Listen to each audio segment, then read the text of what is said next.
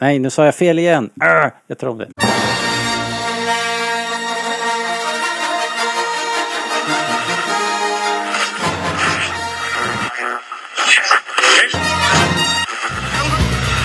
Det här är Rebellradion. Vi pratar allting Star Wars. Star Wars-pratradio när det är som bäst. Välkomna!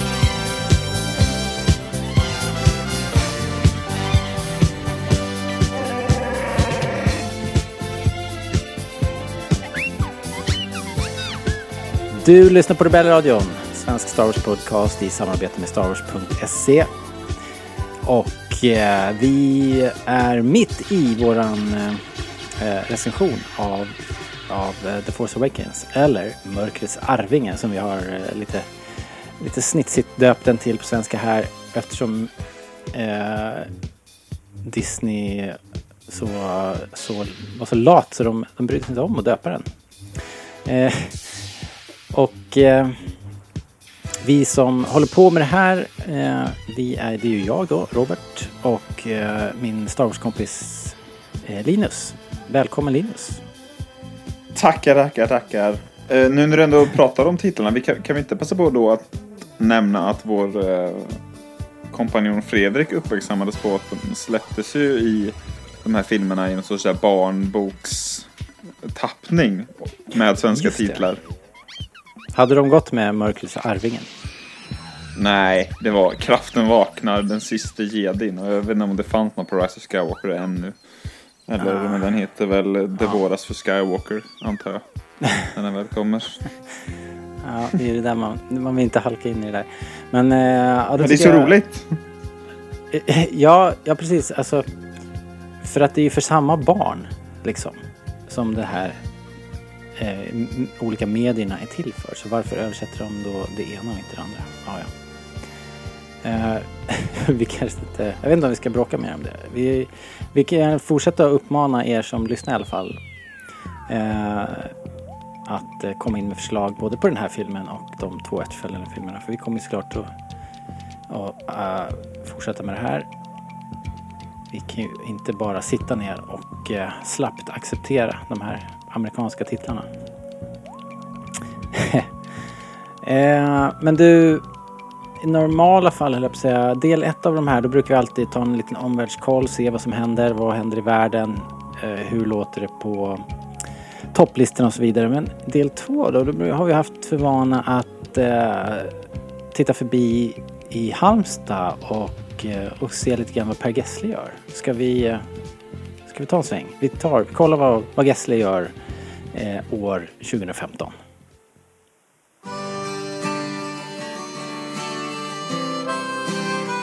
Jag gillar Halmstad, jag gillar eh, att vara här. Tack för ikväll! 2015. Linus, eh, 2015. vad, vad fan har Per för sig egentligen?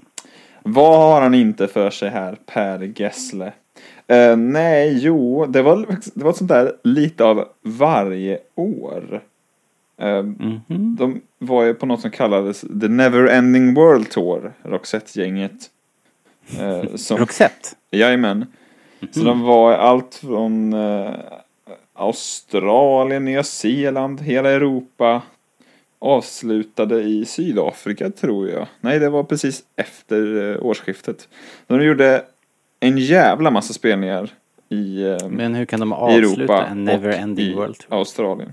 Ja, men jag menar just det här året avslutades inte i, i Sydafrika utan de började 2016 i Sydafrika. Sista spelningen gjorde de i Norge och de gjorde sex eller fem spelningar var det visst. På, eller i Sverige. I, i rad. I juli någon gång i Stockholm bland annat. Var du på, på den? Nej. Nix. Jag var på den på Slottsskogsvallen nämligen. I Göteborg. Mhm.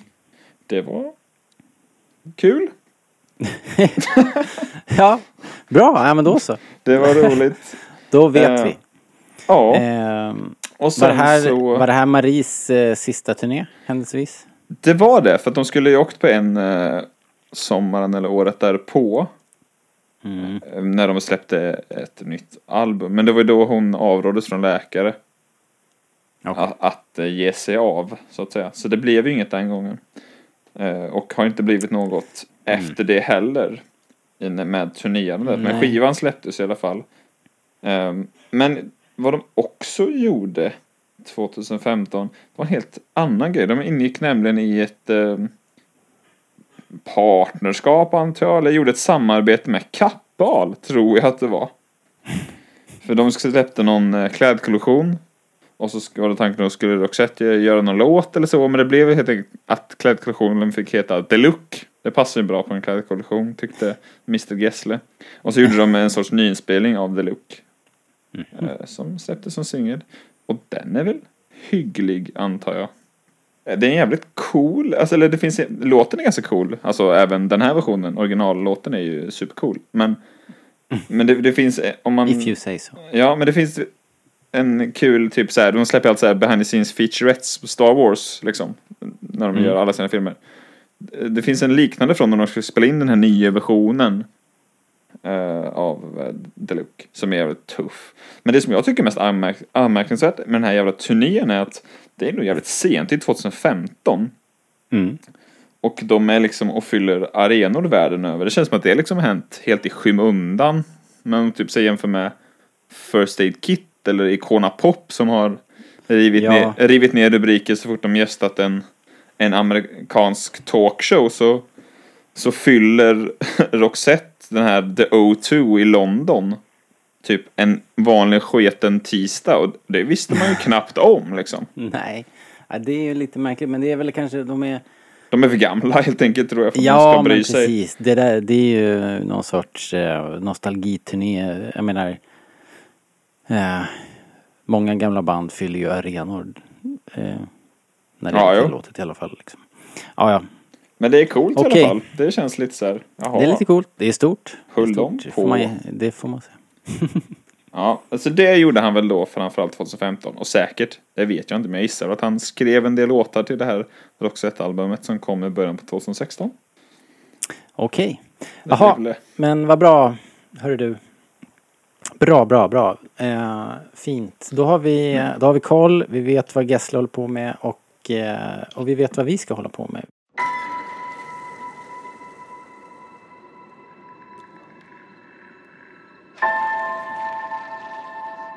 Who are you?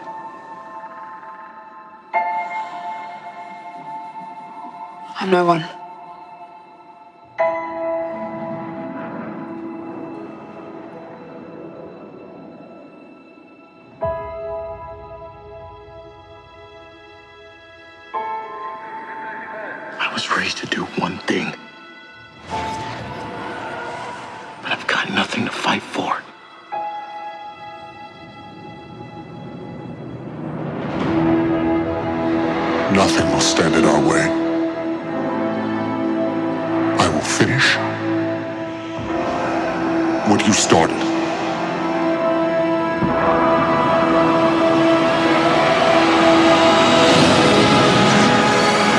There are stories about what happened.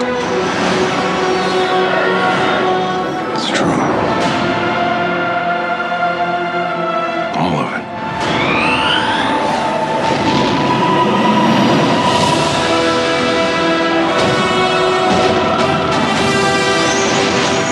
The dark side.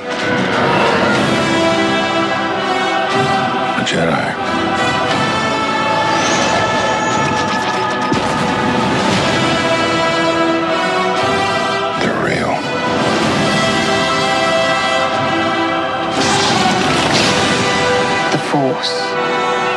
Calling to you.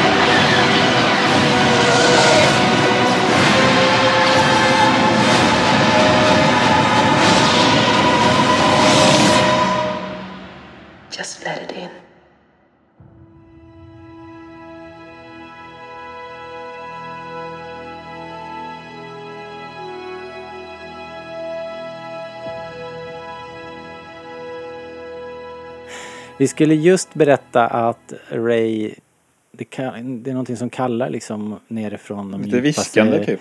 Ja, röst och hon har väl ett, skri, ett skrik på hjälp och sådär från nerifrån eh, slottets eh, eh, källarvåningar. Och eh, hon beger sig ner där med, tillsammans med BB-8 eh, som väldigt snyggt smyger ner för trappan. Ett Ja. steg i taget. Ray tog sig in i den här äh, innersta kammaren där.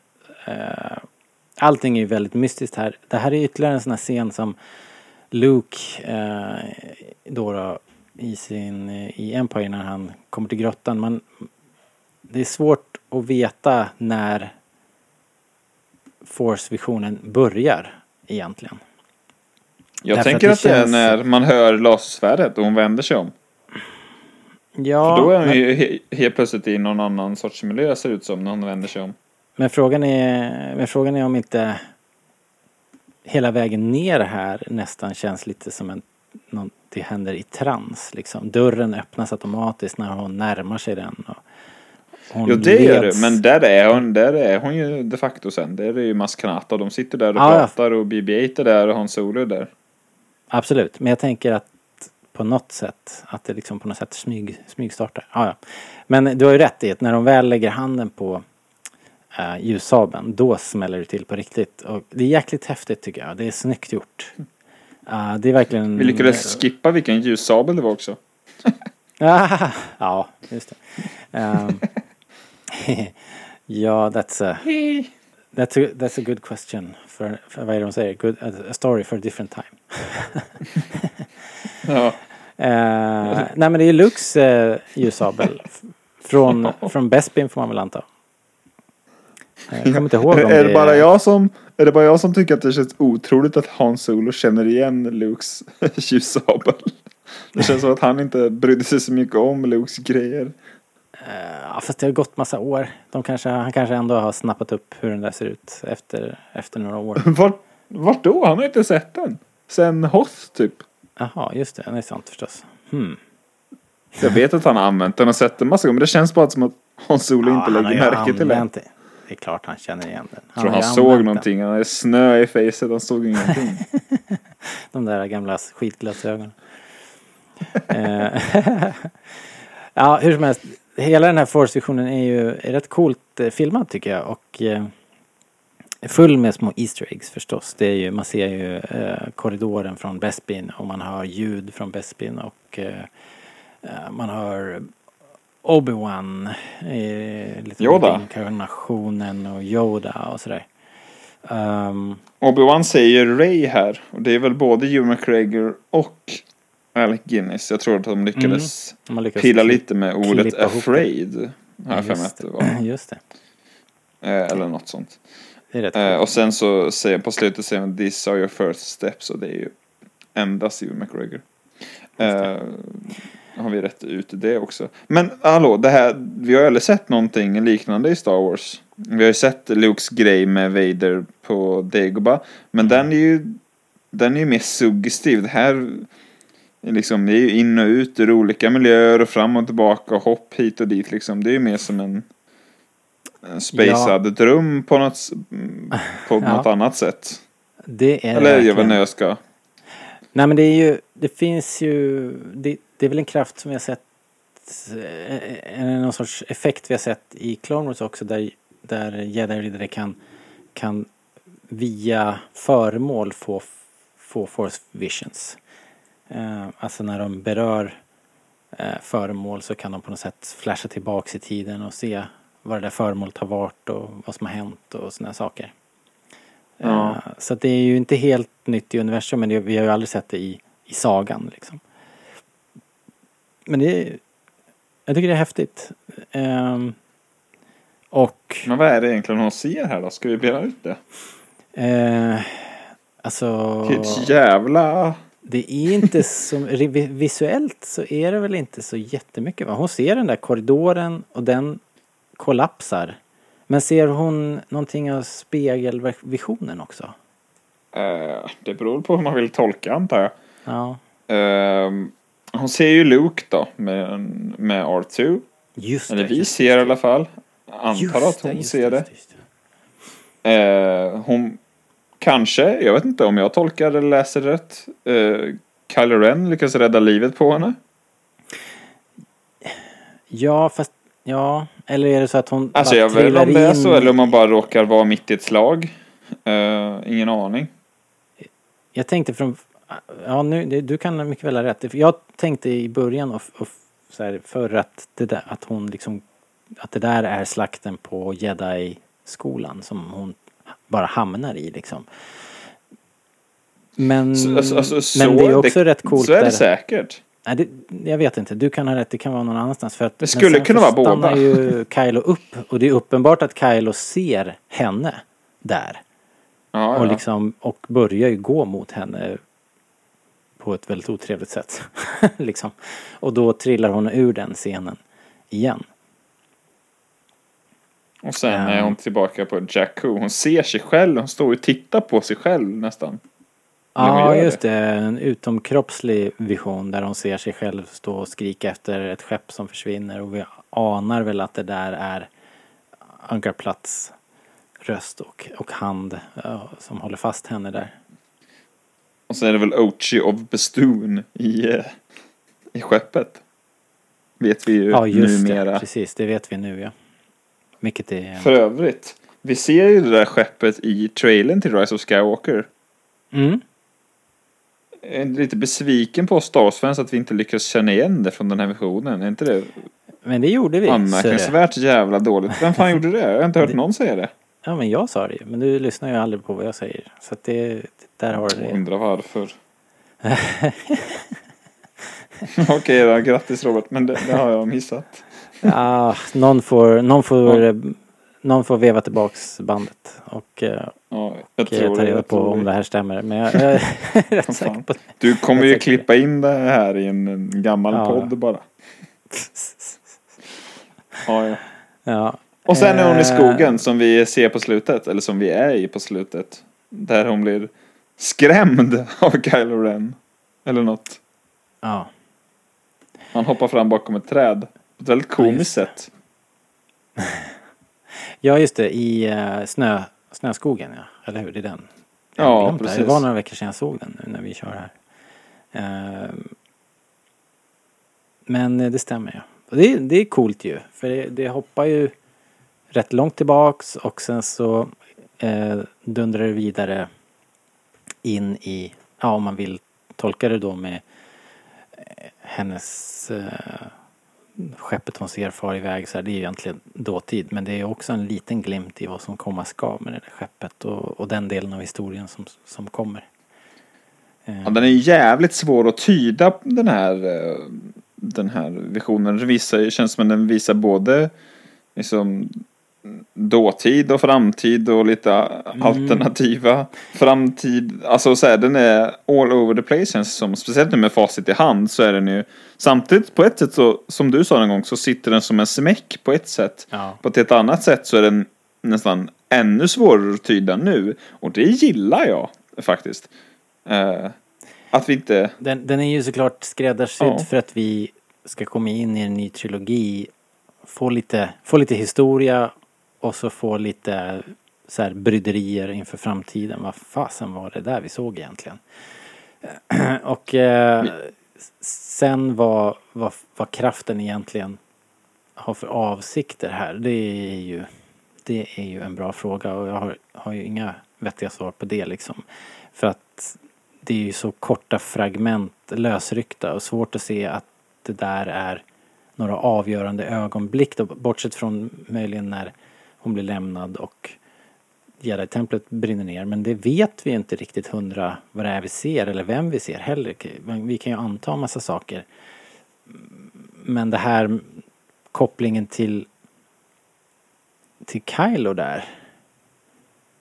Ja, det kanske bara är är det. spännande. Det kanske bara är just det att man ska ana att det finns en koppling eftersom han uppenbarligen ser henne där.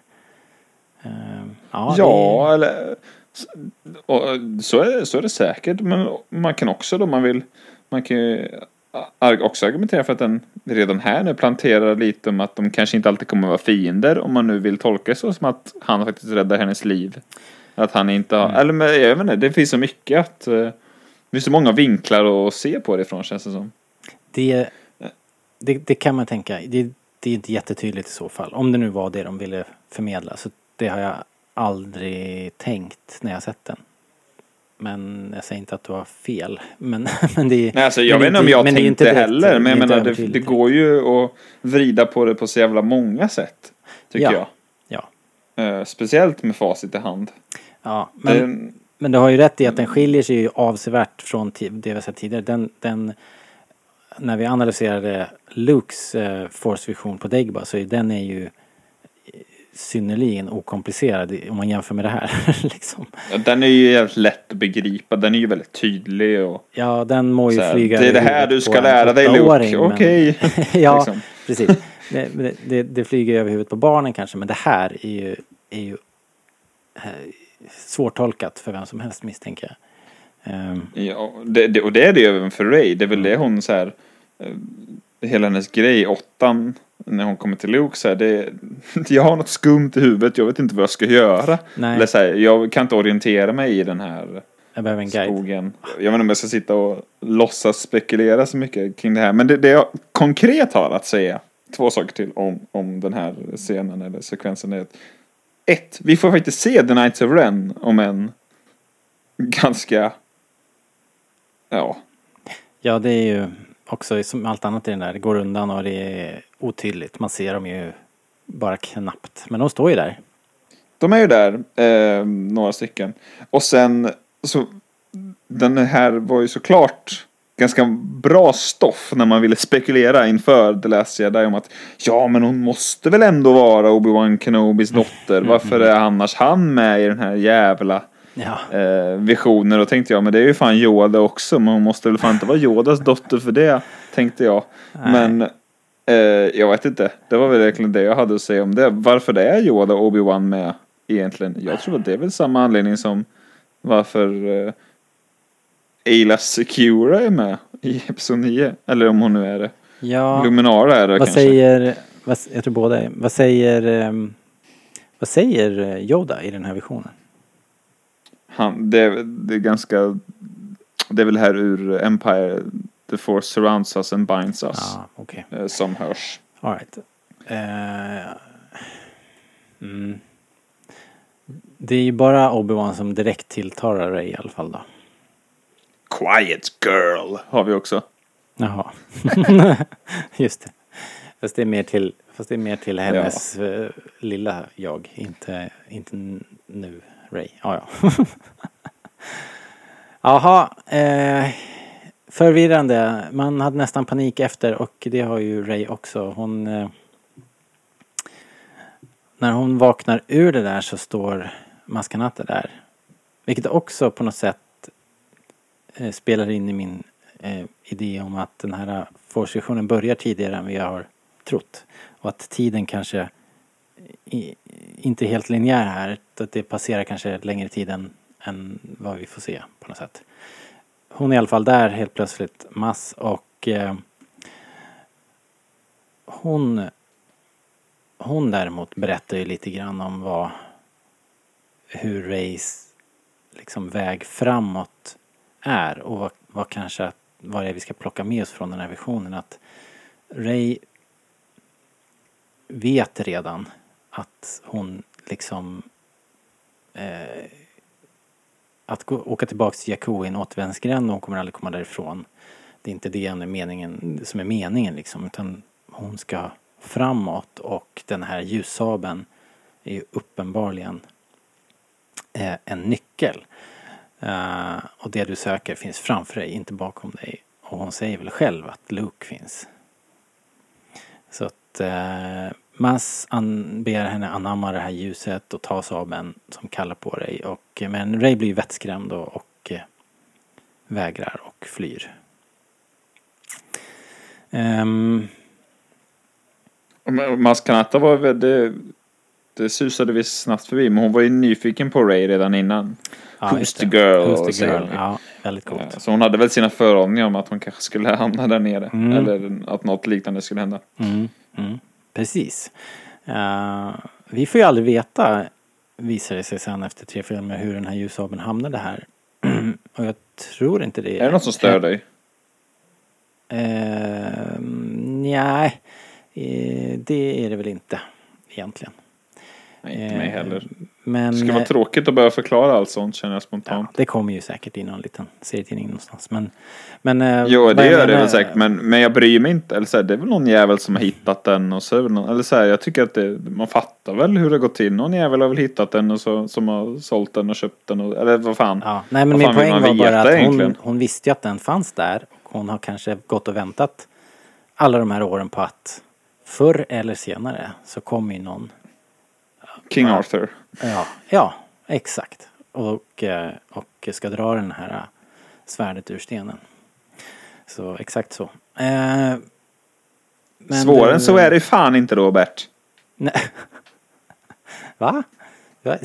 Det, va? va? Nej, men, men man behöver inte argumentera. Eller så här, Jaha, man svårare. behöver Jag inte, hörde fel. Sorry. Jaha. Nej, man behöver inte leta efter mer svar än så liksom. nej, nej.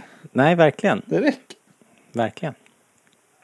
Så att hon, eh, hon var väl beredd på det där, eh, Mas. Och, eh, och eh, hon verkar ju också vara väldigt nöjd med att det är Ray som dyker upp.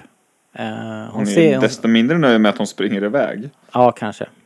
Det gick inte så bra det där. inte helt redo. Hon sticker till skogs. Under tiden så går ju General Hux full Hitler och avfyrar det här nya supervapnet. Eh, han har, håller det här stora talet på, på Starkiller Base som, som är ju byggt på, utav planeten Illum har vi lärt oss, eh, vilket är häftigt. Ehm, jag tycker, när man såg det här talet först, första gången så, så, så vet jag att jag tyckte att jag hade lite svårt att inte fnissa liksom.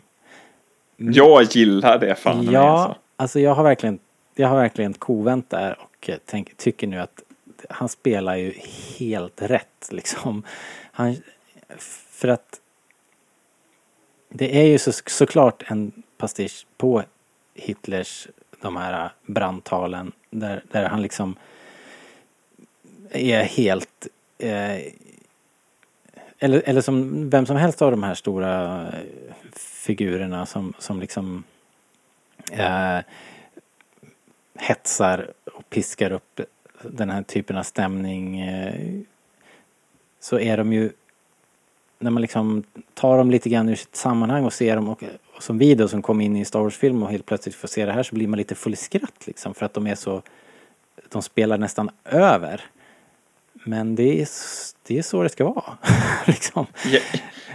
Ställer man dem sida vid sida så är det inte så jävla Nej, nej, det är det som, överkokt alltså. nej, nej, exakt. Det är det som är det läskiga. Det är det som är det läskiga. Exakt. Snarare. Ja, jag håller med.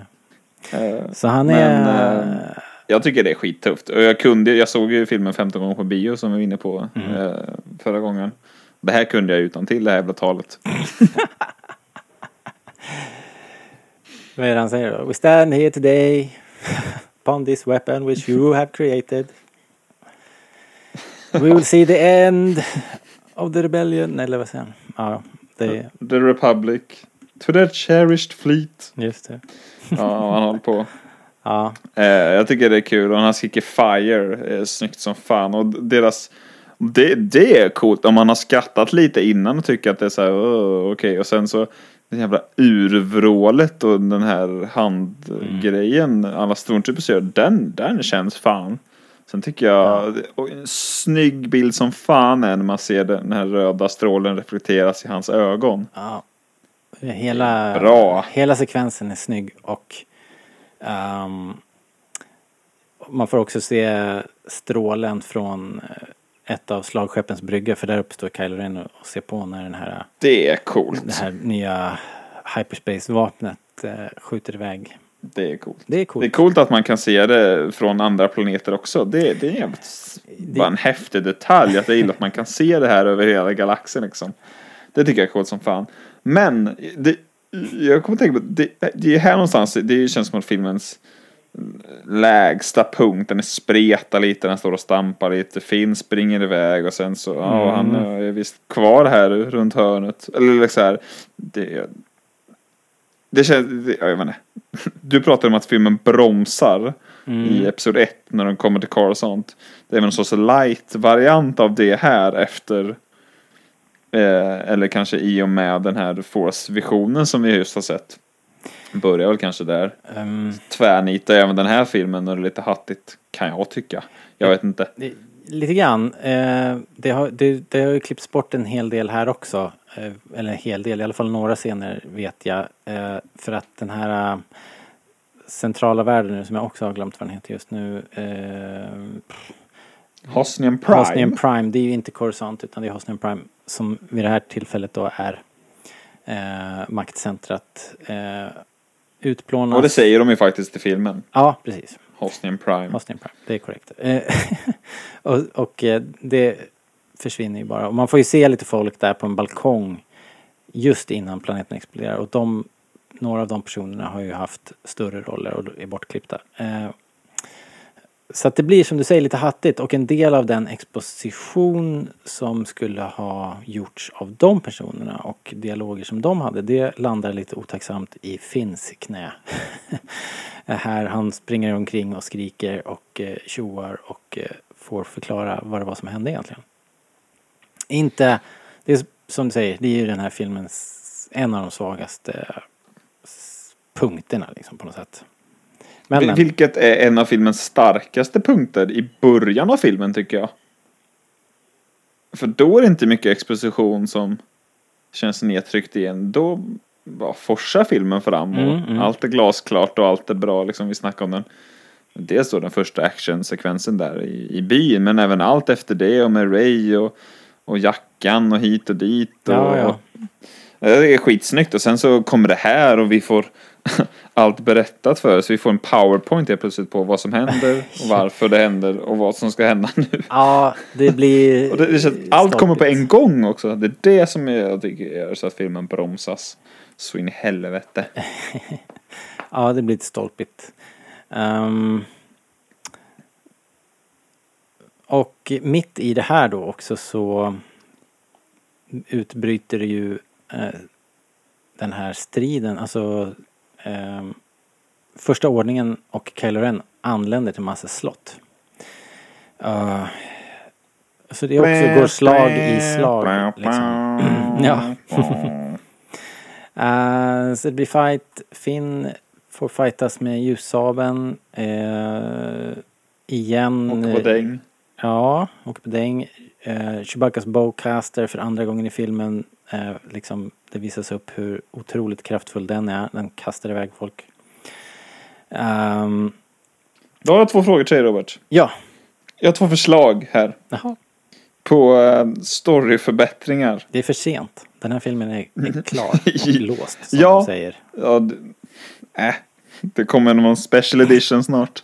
Nej men, ja, det får man inte säga kanske. Men, nej men det bara slog mig, det här, det första jag tänker ta upp, det slog mig först nu liksom, 25 gången eller något jag såg den. Så att uppenbarligen så. Säga vad man vill, men du jag, är snabb. Så kanske jag greppar efter halmstrån. Men, men det bara slog mig, kommer du ihåg filmen Rogue One, Robert? I do. Okej, bra. Du kommer då också ihåg den här övercoola sekvensen på Jeddah när de flyr från dödsstjärnans eh, Japp. single reactor explosion. Japp. Du minns den? Jag kommer Ja, okej. den, den, den är skittuff liksom. There's a problem on the horizon. There is no horizon. ja, Rogue One är så jävla bra. Okej, skitsamma. Men det är ju en svin, det är ju en ganska liknande grej egentligen. De behöver spränga någonting och eh, det är Jeddah och det är Hosnian Prime liksom. Det är ju ganska likt. Men varför hade man inte kunnat göra i Force Awakens så att Mas Kanatas lilla pub, varför kunde inte den varit på Hosnian Prime? Så hade de fått fly från hela den här grejen. Då, då hade man brytt sig om att, att eh, planeterna eh, exploderade. Man hade kanske kunnat få in några av de här karaktärerna och träffa dem. Inte fan vet jag. Det är så här, varför är detta olika? Varför hade de kunnat åka till planeten som skulle sprängas upp? Det hade varit mycket coolare. det, Så okej. hade de kunnat vara där. det, det, det är lätt Jag för dig att säga. Men jag håller med dig, det hade väl varit coolt. Men det händer ju rätt mycket efter det här precis i liksom i vraket eller i, i ruinerna av striden sen. Eh, så att allt, Jo. allt det skulle du behövt placerat om då.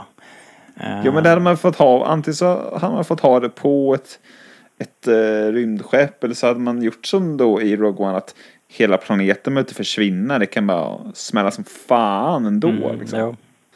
Jag vet inte. Och sen den andra, den uppenbara som jag absolut inte kommit på själv. Varför slåss inte Finn mot Phasma för? Ja, precis. Ja, den har man väl hört. Det finns ju eh, ingen anledning att vara någon anonym jävel eller? Nej, det är konstigt faktiskt. Det är ju jättekonstigt. Vilken, Det eh, vilken tankevurpa. Det som är konstigt med det också, det känns som att att, att alla tycker att det vore bättre bara att säga, åh fan, det tänkte vi inte på. Nej. Eller? Nej, och uh, oklart vad, vad det eh, kommer sig. Liksom. Det får väl JJ berätta på en panel någon gång. Men, eh, Ja. men, men, men. eh, det, det tar ju lite tid att repetera in en sån här grej. Så det är ju ingenting som de kom på på dagen. Och därav kan ju också tidsbristen uppstå. Även om det var någon som kom på det så kanske det var för sent liksom. Ja, vad vet jag. Ja. Det är inte så lätt som vi får det att låta här. Men Nej. samtidigt så tycker jag att vår kritik här är ett kvitto på att filmen, åtminstone i mina ögon, jag tror jag talar för det också, är jävligt bra. För att det här är ju bland det elakaste vi har sagt om filmen hittills. ja. Är det inte så? Jo, alltså den här filmen. ehm, jag upplevde den som otroligt snabb när jag såg den de första gångerna. Att det var sånt... På ett dåligt sätt. Ja, det var för snabbt för mig först. Liksom. Det, var, det hände så mycket så jag fick nästan så här eh, epilepsi. Men jag tror vi sa det i förra podden att det här är ju ingenting mot hur det blir i... eh, Har du sett den där episod Luke Sky- 9, eller? Ja. I episod 9 så är det ju... Då är det här promenadtakt och eh, sen är det JJ sprintar liksom i, i eh, The Rise of Skywalker. Men ehm, man vänjer sig ju vid sånt här och eh, nu upplever jag den inte som särskilt, eh, särskilt snabb på så vis eller att det går för fort. Men den rör ju på sig och ehm, eh, This thing really moves, som Poe säger. Just det, precis. Ja, nu känner jag att det här Men- pratade vi om redan i förra podden. Men du... Ja, det, ehm, fan, återanvände jag ett skämt? ja, jag tror det. Ja, fan vad dåligt. Det var för länge sedan vi spelade in det. ja. Shit. Okej, nej men om, om, jag säger så här, om jag ska försöka ta mig tillbaka till 16 december 2015 när vi såg filmen första gången. Mm. Och vid den här tidpunkten i filmen så var jag nog, ja okej, jag, jag älskar nya Star Wars vid, vid det här laget. ja. Som än så länge. Så kände jag nog då. Det gör jag fortfarande, men jag menar, det, det var vi nog tafsade lite på även förra, förra avsnittet. Att det är klart att man ville gärna vara positiv och optimistisk och men det här blir nog bra. Och JJ har ju gjort bra filmer och Kathleen Kennedy är ju cool och de här skådespelarna verkar ju bra men det är klart man var lite stissig liksom med, med ny Star Wars. Jag kommer inte riktigt ihåg vad vi... Jag, jag vet till. ju att vi halkade in på det här att den, den var så lik i, i, i sin grund, att den var så lik Episod 4. Men i övrigt så, så var man ju mest frustrerad över att man fortfarande inte visste någonting eh, vem Ray var och sådär. Det fanns ju fantastiskt mycket att fortsätta prata om. Den här grejen upplevde aldrig jag. Jag, jag lämnade verkligen inte biografen med så här, åh, undrar vem Rays föräldrar är? Nej. eh, Ärligt talat, innan jag liksom... Och det, det här säger jag inte för att vara alternativ på något sätt. Men innan jag liksom han öppna Twitter eller läsa recensioner eller så här på något sätt prata om filmen med någon annan utom liksom mitt, utanför mitt sällskap som jag såg den med. Så var jag mer snarare så här att ah, fan vad liksom vilken grej det kommer vara i nästa film när Finn återförenas med sina föräldrar. Det var liksom, Okej. jag bara, vad fan, Race, för, fan, de är väl, så här, skit i, de är väl döda någonstans, eller så här, skit i dem, jag hade ingen tanke på, på, jag fattade att det var en grej att hon var utan sina föräldrar för hon väntade på om hon hade blivit övergiven. Men jag hade inte en tanke på att, att det skulle vara Luke eller skulle vara Palpatine eller skulle vara Kenobi, vilket uppenbarligen väldigt många andra funderade på. Mm. Jag var såhär, och ju- Finns föräldrar, det kommer bli en grej i, i nästa film. Och, tänk om han har en eh, syskon någonstans och sin familj. Han kanske kommer återvända till sin familj liksom. Men det var ju, Det hade ju varit det nice. var ju Det är- verkligen inte så. Nej men det hade varit nice. Det, det tycker jag har varit en lite tappad boll som de sen försökte plocka upp i Episod 9. Eh, men inte riktigt gjorde något av, tyvärr. Men men. Eh, men du, eh, det är ju full fight här och eh, eh, eh, Ray flyr ut till skogs och jagas av Kailova och sen kommer ju motståndsrörelsen här i några av de ja, nästan de coolaste scenerna var hittills när X-vingarna dyker ner mot, mot det här eh, fortet. Det är ju Också en av de här riktigt coolt. feta bilderna vi fick under första teaser-trailern Ja. no redan november 2014. Shit vad länge sedan Robert alltså. Ja, episka klipp i alla fall. Och eh, de röjer upp här ganska snabbt faktiskt. Ehm, vi får ju se då att Poe är vid liv och flyger bättre än någonsin och ehm, som sagt. Det är de- faktiskt en snygg eh, reveal att han lever. Ja, det är det ju. Woo! Skriker han första. Det, Ja. det är snyggt som fan. Ehm, de... eh, eh, Ray är ju lite i trubbel då i skogen. Kylo Ren eh, fångar in henne där efter en kort strid och vi ser igen då hans mäktiga eh, Eh, kraftförmågor och den här vilda ljussabeln som han har som liksom bara sprakar. Um, tanken är ju först att han ska få henne att ge honom droiden men sen så när han ser in i hennes minnen att hon har sett kartan och vet vägen till Luke så nöjer han sig med att ta henne helt enkelt och lämnar Bibi på planeten. Uh, en taktisk miss visar det sig så småningom men de drar i alla fall ehm, och Men fy fan vad bra den scenen är Robert. Jag vill inte lämna den än. nej, nej, det är snyggt. Eh, Är inte den jävligt cool? Och jag, jag vet att de pratade om att det här var ju första gången de faktiskt hade, nu håller jag på att säga riktiga lasersvärd, men de hade liksom svärd som lyste liksom att Kylo Rens eller Adam Driver liksom sprang runt med ett svärd som lyste rött på inspelning. Just det. Det hade ju aldrig förekommit att de faktiskt hade eh, liksom sken från eh, ljussablarna på, det. på plats. Och att det, Och det tycker jag är så snyggt att det lyser. Man, jag tycker som att det är någonting de utnyttjar och använder sig utav. Man ser att det lyser rött i Rays ansikte. Ja. Hon är ju så bajsnödig här. Fan vad, de, spe, de, hon spelar, jag vet inte om vi har pratat så mycket om Daisy Ridley överhuvudtaget. Hon spelar så fruktansvärt jävla bra. Jag tycker hon är, Ja. hon är helt otrolig. Det är också, jag tror jag sa det förra avsnittet också. Att hon, hon är så jävla helgjuten. Så det är verkligen en stjärna direkt när man ser henne. Och hon spelar ju fruktansvärt bra. Ja. Men också, jag vi pratade om... Första, tyvärr tycker jag att de första scenerna på Jakku är... Inte, inte hennes möte med BB-8. Där, där tycker jag kanske att hon inte är på sitt bästa. Vad det nu beror Är du på. allvarlig nu? Ja. Jag vet inte vad Oj. det beror på riktigt. Men allting sen. Eh, under hela filmen tycker jag är tipptopp. Jag tycker väldigt mycket om Ray och eh, ja, Daisy Ridley förstås. Det finns ju den här historien, eller historien. Daisy Ridley sa i någon intervju någon gång att hon hade lite dåligt självförtroende i början när hon spelade in för att JD hade sagt till henne första dagen på inspelningen att hennes skådespel var träigt, hade han sagt första dagen. Du ser, jag hade rätt. Hon tyckte det var lite jobbigt men man samtidigt så var nog både hon och många andra glada att han sa det första dagen och inte Ja, sista veckan. Alltså. ja precis. Men, eh, men eh, det, gick, det blev ju bra till slut. Ja, men. Ehm, men det andra jag tänkte säga var att vi pratade lite om i de här prequel-avsnitten att Lucas, det är ju liksom filmat som ett 30-40-talsdrama liksom. Mm. Eh, snackade vi en del om. Inte för att vi är några filmhistoriker men den, liksom den referensram vi har så kändes det så i alla fall. Och Ja. det gillade vi väl också, kom vi väl överens om. Eller vi fattade grejen med det i alla fall. Men här är det ju precis tvärtom. Kolla på den här jävla scenen med, mellan eh, Ray och Kylo i skogen. Kameran svävar ta mig fan runt. Jag tror inte den. Den är inte stilla en enda gång. Det är jävla kontrast mot Episod 2. Så vet Ja. jag, så kan man tycka vad man vill om vad som är bättre eller inte. Men det är, Det där är helt intressant. olika grejer. Ja, men det är det som är så konstigt för man hör alltid att de pratar om så här, det gäller att hitta den där Star Wars-känslan och då börjar de alltid prata om så här hur kameran står, vinklar, eh, brännvidder på objektiv och grejer liksom. Men jag upplever som du att i den här filmen så är de inte så eh, de har inte tagit det där på, utan det ska, det ska bara se rätt ut och bra ut. Det har varit, det är ju hela filmen ser ju fantastisk ut liksom.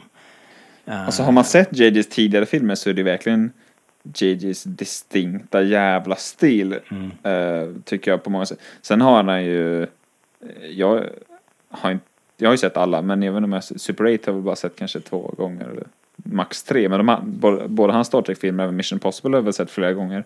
Och jag tycker det här är verkligen den filmen Mm. han, han är som bäst på det sättet. De andra är rätt stökiga och det är väl också lite med vad det är för sorts filmer kanske. Men den, den är så jävel, den är både rätt den har liksom sina ruffiga delar och kameran skakar lite ibland och det är hetsigt med Stormtroopers i början där. Men har också den här kameran flyter runt. Jag tycker det är så, det är så jävla driv i filmen och jag tycker att Mm. Alltså filmen är ganska lång ändå för att vara en Star Wars-film. Den är 2.12.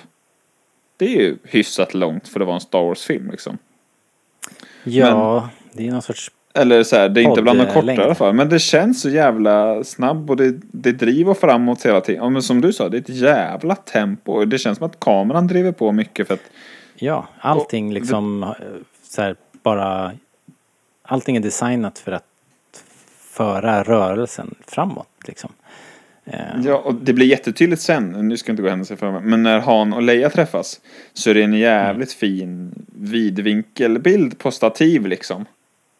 Då ser man, åh jävlar, nu är vi, det känns inte som att vi har suttit stilla på hela filmen. Men helt plötsligt så står kameran helt still. Och då blir Men det är ju det som, eh, men det är ju det som händer här härnäst. Eh, eh, när väl Ray och Kylo har lämnat planeten då. då och eh, återigen så har Finn fått tala om för oss vad, vad, vad, vad var som hände.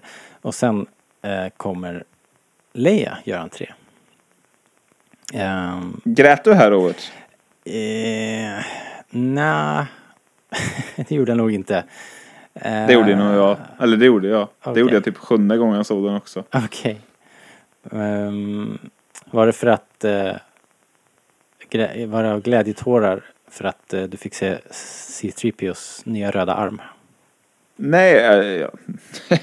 det var väl alltihop, höll jag på att säga. Så ser man bara, se Hans Solo, Leia och Chewbacca i samma bild liksom. Ja, jo, men det, grej. det är mysigt. Det är skitballt. Och det är fint och det är musiken och de åter, återförenas vet jag inte men de träffas väl igen och Mm. de spelar bra och det, det är kul och det är roligt. Ja, det är ju ett härligt möte mellan Han och Leia framförallt tycker jag. Men också den här fina kramen som Chewie ger Leia är ju härlig. Det är också fint att Chewie har bättre relation till Leia nu för tiden än, än Han har. Ja, men det, precis. Är men snyggt det, på något sätt. Men det är ju inte så konstigt. Det är ju helt rätt ju. För att Nej. han står ju liksom bredvid den här eh, knastriga eh, liksom parförhållandet. Han är ju bara den bästa kompisen liksom. Eh, Mm. Och det har han ju fortsatt att vara såklart. Även eh, sen de har slutat vara ett par. Det är ju fantastiskt.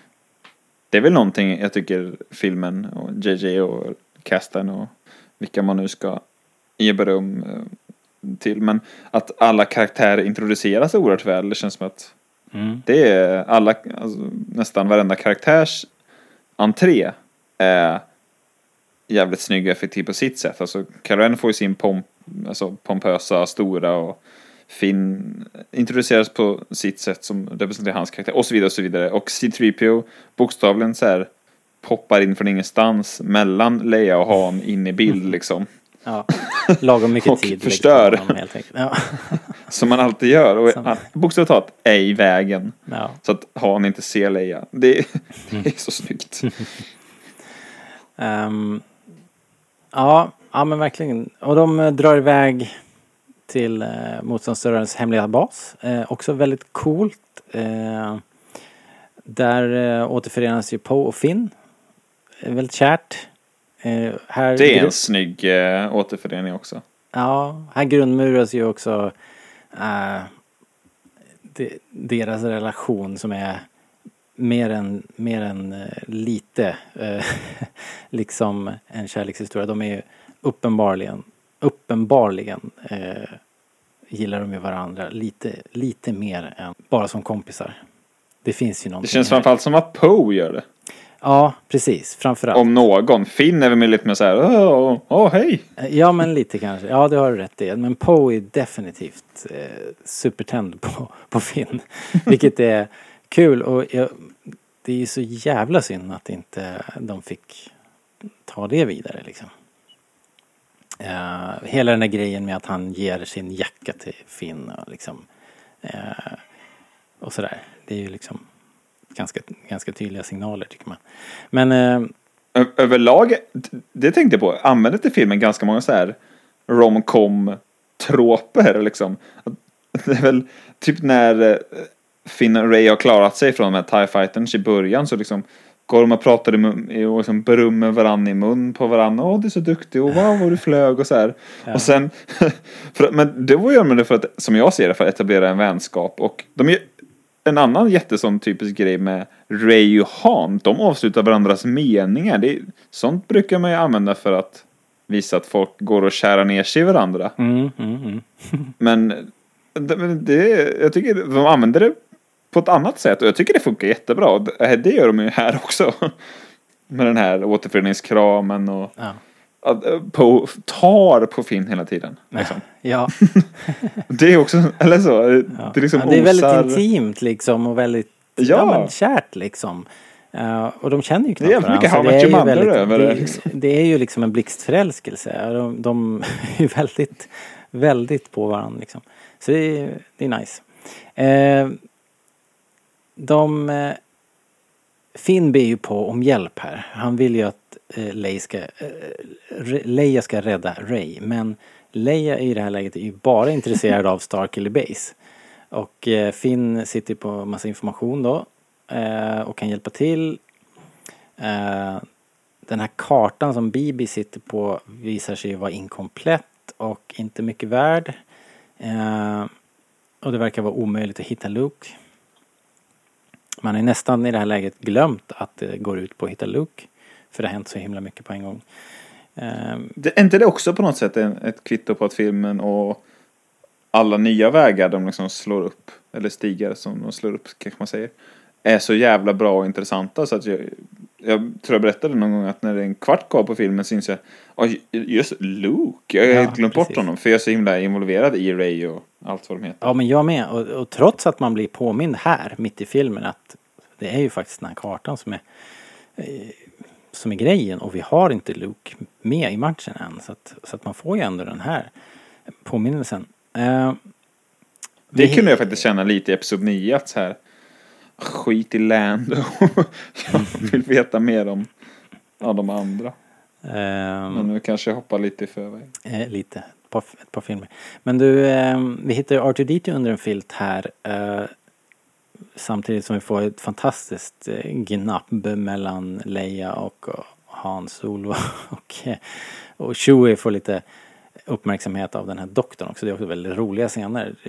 Jag fnissar ju varje gång jag ser det här. Jag tycker det är bra. Den är, scenen är dialog, liksom. fantastisk. Mm, ja.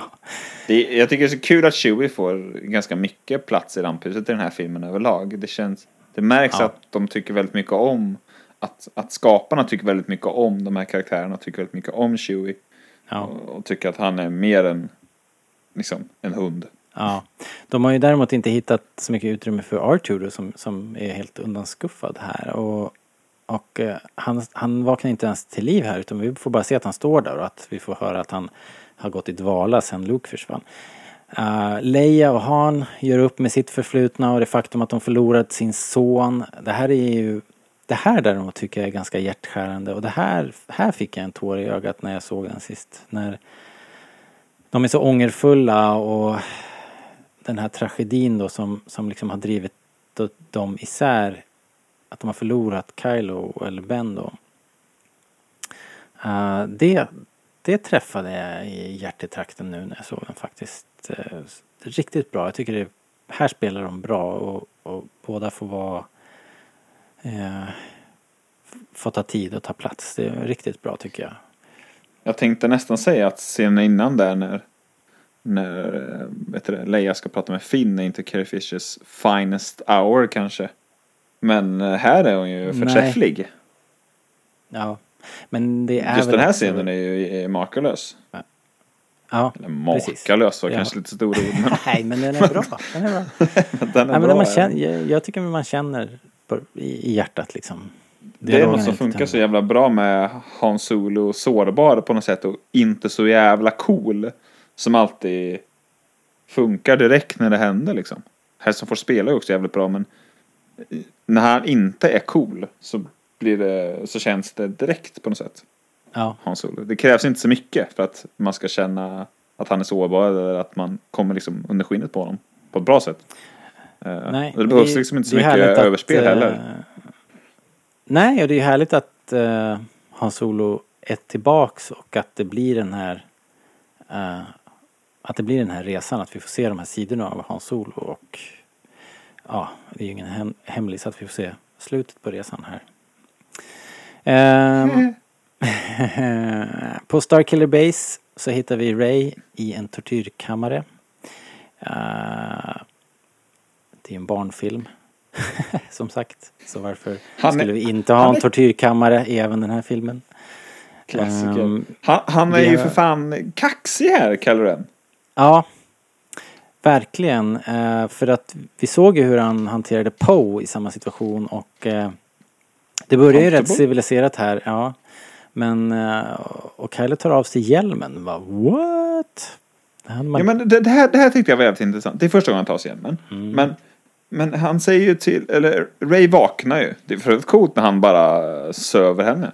Det, det är också en sån här ny tuff grej som han Ja, bara gör. Men, men han, han, hon vaknar och säger Where am I? Och så säger han You're my guest liksom. Mm. Så här sarkastisk jävel liksom. Men det, dels är han ju inte så mycket sån i åttan och nian. Där är han ju mest arg. ja.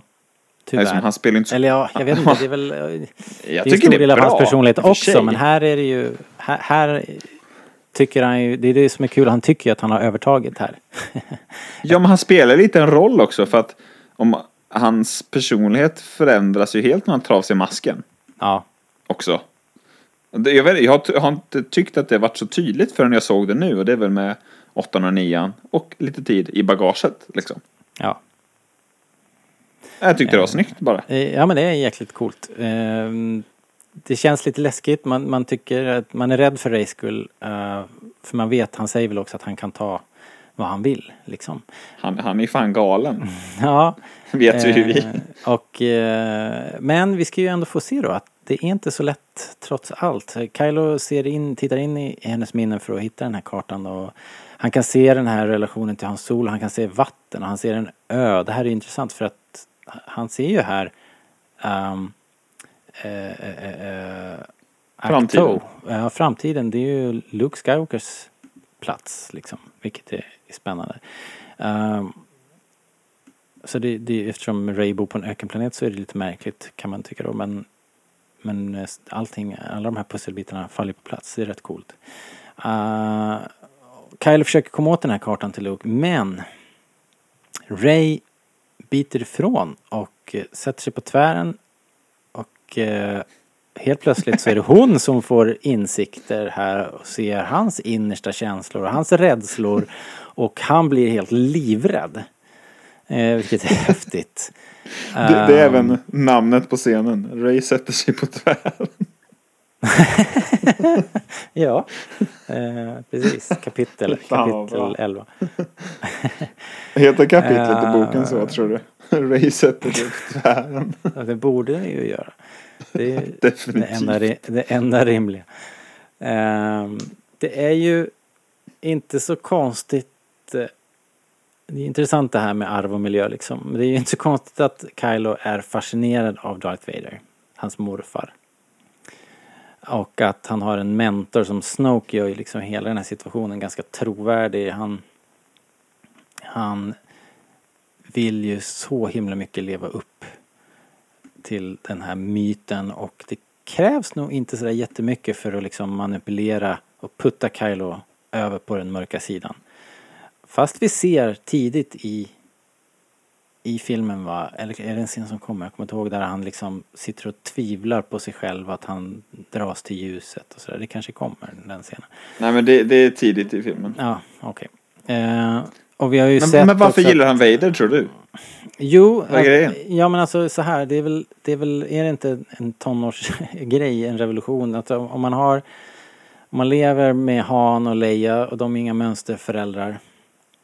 Uh, och så vill man göra revolution och så ser man den här storyn, den här backstoryn att man har en morfar som är den mäktigaste jedin och sithlorden som universum har skådat.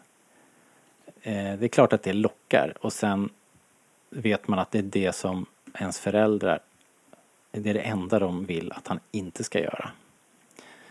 Speciellt eftersom de höll hela den här grejen hemlig väl? Ja, säkerligen. Länge Och så han fall. hatar ju liksom Han Leia kan- och Luke och Han och Darth Vader är själva antitesen Ja. till dem. Plus då det här Precis. släktbandet. Precis. Och det är ju inte omöjligt, jag vet inte om vi vet det, men det är ju inte omöjligt att det är Snoke som berättar allt det här för honom. Nej, jag vet inte heller. Men Ja. jag- det, det är väl en stor grej i Bloodlines, eller vad fan heter den Leia-boken, att det då kommer fram att hon är, Ja, exakt. är dottern. liksom men sen, där jag, han- jag kan inte tidslämna exakt, men inte jag heller, men i den boken så handlar det ju om att han hantera på något sätt den krisen som uppstår när liksom världen i stort får reda på att hon, hon är Vaders dotter. Men är liksom Ben eller Kylo med i boken? Han är inte född Alltså, då. när- jag när- att han, okej. är det inte den boken som hon får en force connection med sitt ofödda barn? Tror jag. Eh, Det låter overkligt. ja, overkligt. Uh, I alla fall så... Ja, ja. Med Snokes guidning så, så väljer ju Kylo att bli Vaders arvinge istället för Leias. Ja, Ah. men det känns ju mer som att Fuck you, jag kan göra vad jag vill snarare än att Ja. han faktiskt vill det. Eller förstår vad jag menar? Ja, Så han vill villigare. Jag tror han är Men- mitt i det här och vill det. Och, eh, men har kanske inte riktigt... Han är ju inte förberedd riktigt på det känslomässiga eh, eh, liksom oket eller belastning som kommer nu när han faktiskt så småningom här möter sina föräldrar och sin far på nära håll igen. Så det är väl då det, den där kilen slås in och eh, hans, hans väg tillbaks börjar. Men i det här läget så är han nog eh, har fullt liksom, jag tror han har vägen klar för sig. Även om man tvivlar lite får väl grann så är se. han- Ja, precis. Hur som helst. Eh, var är vi nu då? Vi, eh, vi får se att eh, General Hux och Kylo är för en, inför det här jättehologrammet av Snoke igen. Hux får grönt, grönt eh, ljus att anfalla Ailinium-systemet där Leia och motståndsrören har sin bas. Uh, och Kylo han liksom famlar efter lite stöd här, lite guidning. eh, men Snokes fokus famlar till Ray, eller vad säger jag nu? Famlar? Fuck, blablabla. Snokes, Ord! ja, words. Uh, Kylo famlar efter lite stöd här och, och lite guidning från Snoke. Men Snoke flyttar fokus eh, till Ray istället. Som helt The plötsligt är mer scavenger intressant. resisted you. Ja, Han är bra Andy Flickan, Serkis alltså. Den här vrakplundraren som kommer från ingenstans och som tydligen har en ovanligt stark eh, koppling till kraften. Bring her to me. Ehm, eh, väldigt eh, häftigt. Jag tycker faktiskt att Snoke är som coolast här. Liksom. Är han inte skitbra Snoke här? Jo. Det var många som var lite så här små besvikna på Snoke var en fjant liksom först. Jag tycker han är stentuff. Jag Ja. gillar honom i åttan också men Ja. om vi bara ska prata om den här filmen, jag tycker han Jag tycker han pikar här nästan. Ja, det håller jag inte med om. Men jag tycker att han verkligen är en... Alltså, alltså i den rollen han har är han väl... Mm. Det känns svårt, eller så här... Vad mer förväntar eh, man sig av den typen av roll? Eller så här, man, det är klart man kan alltid vilja ha mer av att karaktärer ska vara med mer och hit och dit men... Mm. Men om det, jag tycker alltid att när han väl är med, det är väl tre korta scener, så är det alltid spännande och häftigt på något sätt. Och sen så är det ju Ja. också bara, det här är bara första delen av tre liksom. Det, det kommer ju mer och det Ja. gör det ju också. Men jag tycker det är skithäftigt. Det gör det. Det gör det verkligen. Eh, vad heter det? Eh, var är vi nu? Ja, just det. Ja, just det. Bring her to me. Bla, bla, bla. Eh, vi klipper till Ray som rymmer ur sina bojor och eh, med hjälp av ett till synes helt, helt eh, spontant Jedi Mind Trick. Vi, det här är ju sånt som som en del har knorrat lite då att eh, men eh, att, att, de, att hon kan det här. Men vi har ju faktiskt sett det här förut att kraftkänsliga personer liksom utnyttjar sina förmågor utan att egentligen reflektera eller förstå det. Eh, Luke skjuter Womp Rats med sin T16, ett, ett, en, en, någonting som, som liksom inte ska vara möjligt. Uh, Ezra gör enorma hopp uh, över taken med instinkt, tung liksom. last och såna här saker. På instinkt. Uh, Anakin kör podrace, the only human that can do it och så vidare och så vidare. Det finns säkert fler exempel liksom.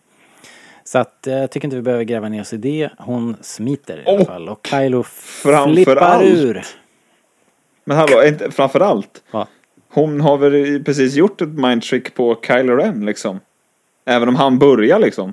Så att, Ja, det är sant. Lite Eller? grann åt det. Det är sant. eller så tolkar jag Jo, det. att så exakt. Det Jaha, börjar- kan jag göra jo, så här det bör- också? Ja, men då borde jag ju kunna manipulera den här killen också, eller? liksom, jag provar. Ja, just det. Just det. Ja, Eller så har jag alltid precis. tolkat att hon... Ja, men sant. Men jag kan, ju, kan ju testa det där som han försökte med. Det kunde jag ju uppenbarligen också, helt okej. Ja, in och grotta lite här. Rota runt i Daniel Craig som jag faktiskt spelar den här stackars Ja, stormtroopern. Ja. Ehm, Eller, eller så tolkar jag det i alla fall. Att Kylo Ren liksom sätter igång grejerna där inne. I Ray. Och det är Ja. också det som hon är skraj för i The Last Jedi och behöver hjälp med. Just det. Ja, det är sant. The Force has awakened liksom. Ja, ja. eh, vad heter det? Hux laddar. Hux. eh, eh, ja, men Kylo flippar ju ur då, då när, när hon är borta där och förstör ännu ett rum. Det är ju liksom skojigt. Eh, eh, Hux, han laddar om eh, Starkiller Base med hjälp av en hel sol. Eh, eh, Star Wars Physics i, in the works. Eh, motståndsrörelsen börjar inse att den här konfrontationen är oundviklig och Hans Solo föreslår en ganska rak course of action. Let's blow it up. Va, vad tycker vi om de här, den här nya erans? Vi har ju redan varit inne lite på det i tidigare. Men den här nya erans strategiscener. Som ändå bara slutar i ett rakt anfall. Det var så här, eh, spräng! Det är så här, Hulk smash! Det är det allting slutar med ändå. Ja, det är ju inte så raffinerat eh, alls. Det kan man inte säga. Men, men frågan är om man vill ha... Alltså vill man ha någon mera komplicerad så här trestegsraket? Det blir ju det här till slut ändå. Men i det här Alltså- läget så är det ju bara flyg in, förstör från insidan och anfall liksom. Alltså det, det blir det ju och det är inte kanske resultatet eller liksom frukten av det hela som skaver i mig utan det, det är så jävla bra i originaltrilogin att det är väl framförallt fyra och sex det, det är en sån påtaglig och stark militär känsla liksom kring det Ja. hela att de har här är det mer så här här är liksom Reservoir Dogs liksom. Ja, jag håller med. Jo, men precis. Det här sa väl du någon angående att, att liksom i i Empire så, eh, nej, eller i eh, Jedi så, så, så är det ju en, tre, fyra stycken som, som bollar eh, till varandra i den här lilla presentationen de gör när de ska anfalla Endor.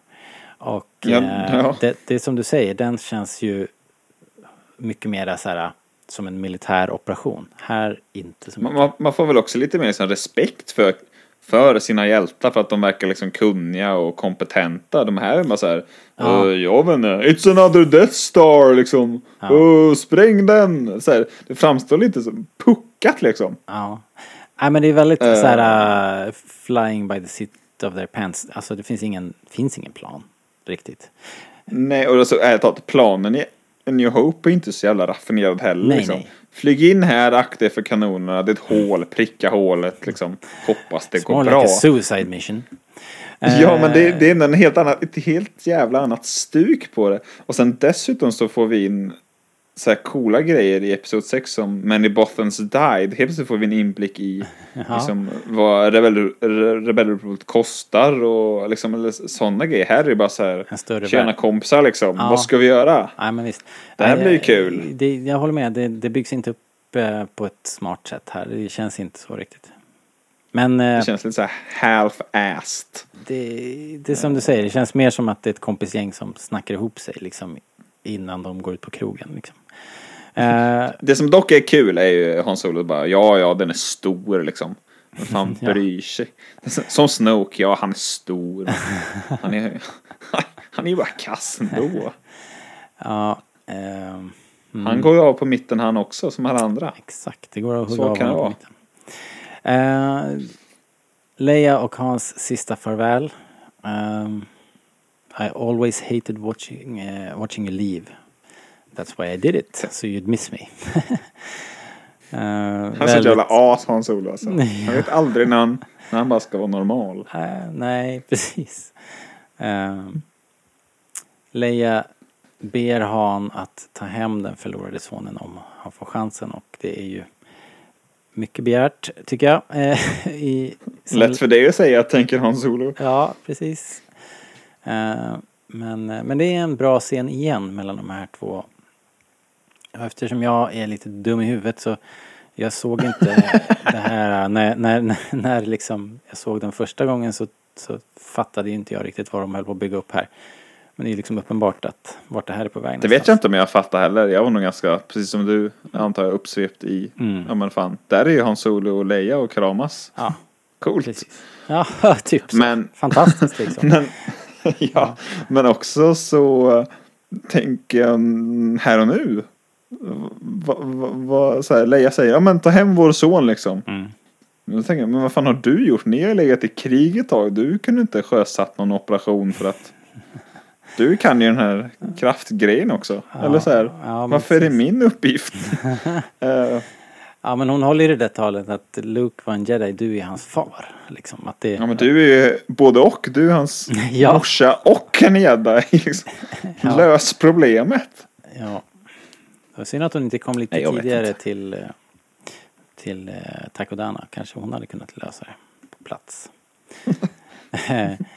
Hur som helst. Ben Solo! Eh. Så har han bara sagt. Så har han kommit. Eh, Han, Finn, Chewie och BB drar till Starkly Base. De ankommer i ljushastighet. Eh, de måste ju nämligen flyga genom skölden i ljushastighet. Det är lite kul. Eh, Jag vet inte om det är oerhört kul eller oerhört dumt. Men det, det är både och. jag gillar det liksom. tror jag. Det är galet. Det funkar väl ändå, gör det inte det? Ja, jag är inget fan av när de flyger omkring och skrapar falken i saker hela tiden. Jag tänker att det är orealistiskt. Men eh, för de kör ju genom Ja, det- skog här. Det är väldigt coola bilder faktiskt. Men det, det, Jag, jag tänkte säga det, det är förlåtet för att vi får se Falken bara plöja en massa träd och kraschla. Det är ju svincoolt. Så det är väl okej då. Det är lite roligt när de kommer in så här bara assnabbt och höll på att flyga in i ett berg liksom. Och så här. Det, är- det är ju kul liksom. Men det, Eh, det ska ju inte gå lätt heller. Liksom. Nej, nej precis. Men de kraschlandar väl där lite grann och... eh, Lite grann. Sen, De får dö. eh, och lufsar iväg. Och här någonstans så konfronterar ju Han Finn eh, med det faktum att Han verk, eh, Finn verkar inte riktigt veta vad han håller på med. och eh, vi får den här fantastiska repliken att eh, That's not how the force works. Jag har en tröja det står That's not how the force works på som jag fick av min polare Robin. Ah, bra gjort Robin. Det är ju bevingande ord verkligen och eh, det där kan man ju använda i sin vardag faktiskt ganska ofta. Och det gör du säkert också. de smiter ju in där i alla fall. Eh, de tar hissen ner, övermannar den outnyttjade, underutnyttjade eh, Captain Phasma. Och Ray smyger skickligt omkring på uh, Vad fan sa du nu? och innanför paneler. Så där kan du inte bara säga i förbifarten. Gillar du inte Captain Phasma? En gång till, vad sa du? Så där kan du inte bara säga i förbifarten sa jag om Captain Phasma. Att de, att de övermannar henne. Nej, att hon är un... Vad var det du sa? Underanvänd? Underutnyttjad, ja. Det är hon väl? Eller? Menar du av, av skaparna? ja, eller av... hur? Ja. Det är hon Alltså, väl vi har- inte? Nej, det tycker Eller jag jag tycker Vi inte- sa ju att hon skulle ha dykt upp där borta på Takodana till exempel. Och Det i filmen i stort får man väl ändå då. säga att, att hon kanske, jag menade väl mm, kanske när jag skrev mina noter här att hon var ju ändå en sån slående karaktär i marknadsföringen och in, upp, upptakten till filmen. Så man trodde ju att hon skulle bli mer på något sätt. Det var ju en Boba Fett situation liksom. Eh, Det är det jag lite så menar. Borde man inte fattat det från början? Jo, kanske. Hur som helst, eh, Ray smyger omkring väldigt skickligt här på, på, i schakt och innanför paneler och sådär precis som hon eh, är van att göra när hon plundrar skepp på Jakku. Eh, Det är även här man, man hör att de ropar ut i högtalarna att, att de ska ställa om sina klockor till Galactic Standard Time. Jag vet att vi pratade om det någon gång i någon annan podd. Och det är här de Okej. ropar ut det. det är roligt ju. Det är jättekul. Det är väl sånt där som de står och bara spånar ihop på såna här eh, ADR sessions efteråt när de bara ska göra lite bakgrundsbrus liksom så står, eh, står de och hittar på sånt här. Det är kul. Det känns som Ehm, något de kommer på så här. De spelat in halv tre på natten efter några bärs liksom. Kan du säga ja. något om tidszoner? Ja, garanterat. Så någon stackars skådespelare som står spiknykter och får bara säga massa skit. Jag tror att det är skådespelarna själva som riffar ganska mycket faktiskt. Är det så? Ja, det verkar så. Ehm, Då så. Hur som helst, de tvingar ju Phasma att stänga av sköldarna här. Eh, hon måste ju ha extremt stort förtroende för basens övriga försvar eftersom hon ändå gör det där. Hon vill i alla fall... Ja, hon är väl rädd om sitt eget skinn liksom. Eh, Jag tänker också att det är ett första jag vet inte om jag överanalyserar, jag har ju- jag har kanske sett filmen för mycket, men jag tänker att detta är den första hinten vi får om att First Order inte är så jävla... Det är mest massa krigsgalningar. Hon är ingen idealist direkt, Nej, Captain Phasma. nej, nej. Och har man läst Spräng boken... några i luften, skitlar jag i. Ja, Liksom. och har man läst boken så vet man ju att hon är mest ute för... Efter, liksom hon vill bara... Hon vill bara ha mer för sin egen skull. Det handlar om ingen Ja, idealism liksom. Så att det är fler som har tänkt som du där. Uh, Pose X-vingar anfaller här. Jävligt snyggt igen. Ehm, ett riktigt snyggt slag är det faktiskt över, över Starkiller Base. Eh, Det är häftigt med slag i atmosfären tycker jag. Ja, Är även om... det? Gillar man väl? Eh, jo men det gör man ju. Även om man, man kanske kan sakna ett riktigt Space Battle. För det har vi, får vi inget det- nämligen. Men det kommer ju i nästa film, du vet. Man kan inte få allt i en film. Nej, tydligen. Man får ju sprida ut det här lite. Du vet, det blir ju två filmer till i trilogin. Ja. Jo men så är Eller? det. Eller så Jo. tänker jag i alla fall. För vi får Absolut, ju... absolut. Och det så här det är står ju härliga till i början jag, jag gillar ju, älskar ju hur Starkiller Base ser ut till att börja med. Och ha det som backdrop till det här slaget är ju inte illa verkligen. Väldigt coolt. Det här är ju, Um, om vi vill fortsätta att snacka om originaltrilogi paralleller så är det någon form av liksom hybrid av Hoth och dödsstjärneattackerna liksom. Mm. Jag, tycker, svinballt. jag tycker generellt att det är rätt mycket så i den här filmen att de har tagit från lite alla möjliga håll. Det, det, det, och det är kanske det som gör att jag känner att även om skelettet är uh, A New Hope så är, det, så är det så mycket fläskigare liksom. Eh, Ja, jag tycker mest att det, det känns bara Star Wars överlag liksom. Ja, exakt. Eller förstår vad jag menar? Det är inte så att ja, men det där är exakt som New Hope. Det är så här, ja men det är lite som det och det är lite som det och lite här och lite där liksom. Att det, Mm. det är bara i- i Star Wars-miljö helt enkelt. Ja. Eller lite så känner jag att.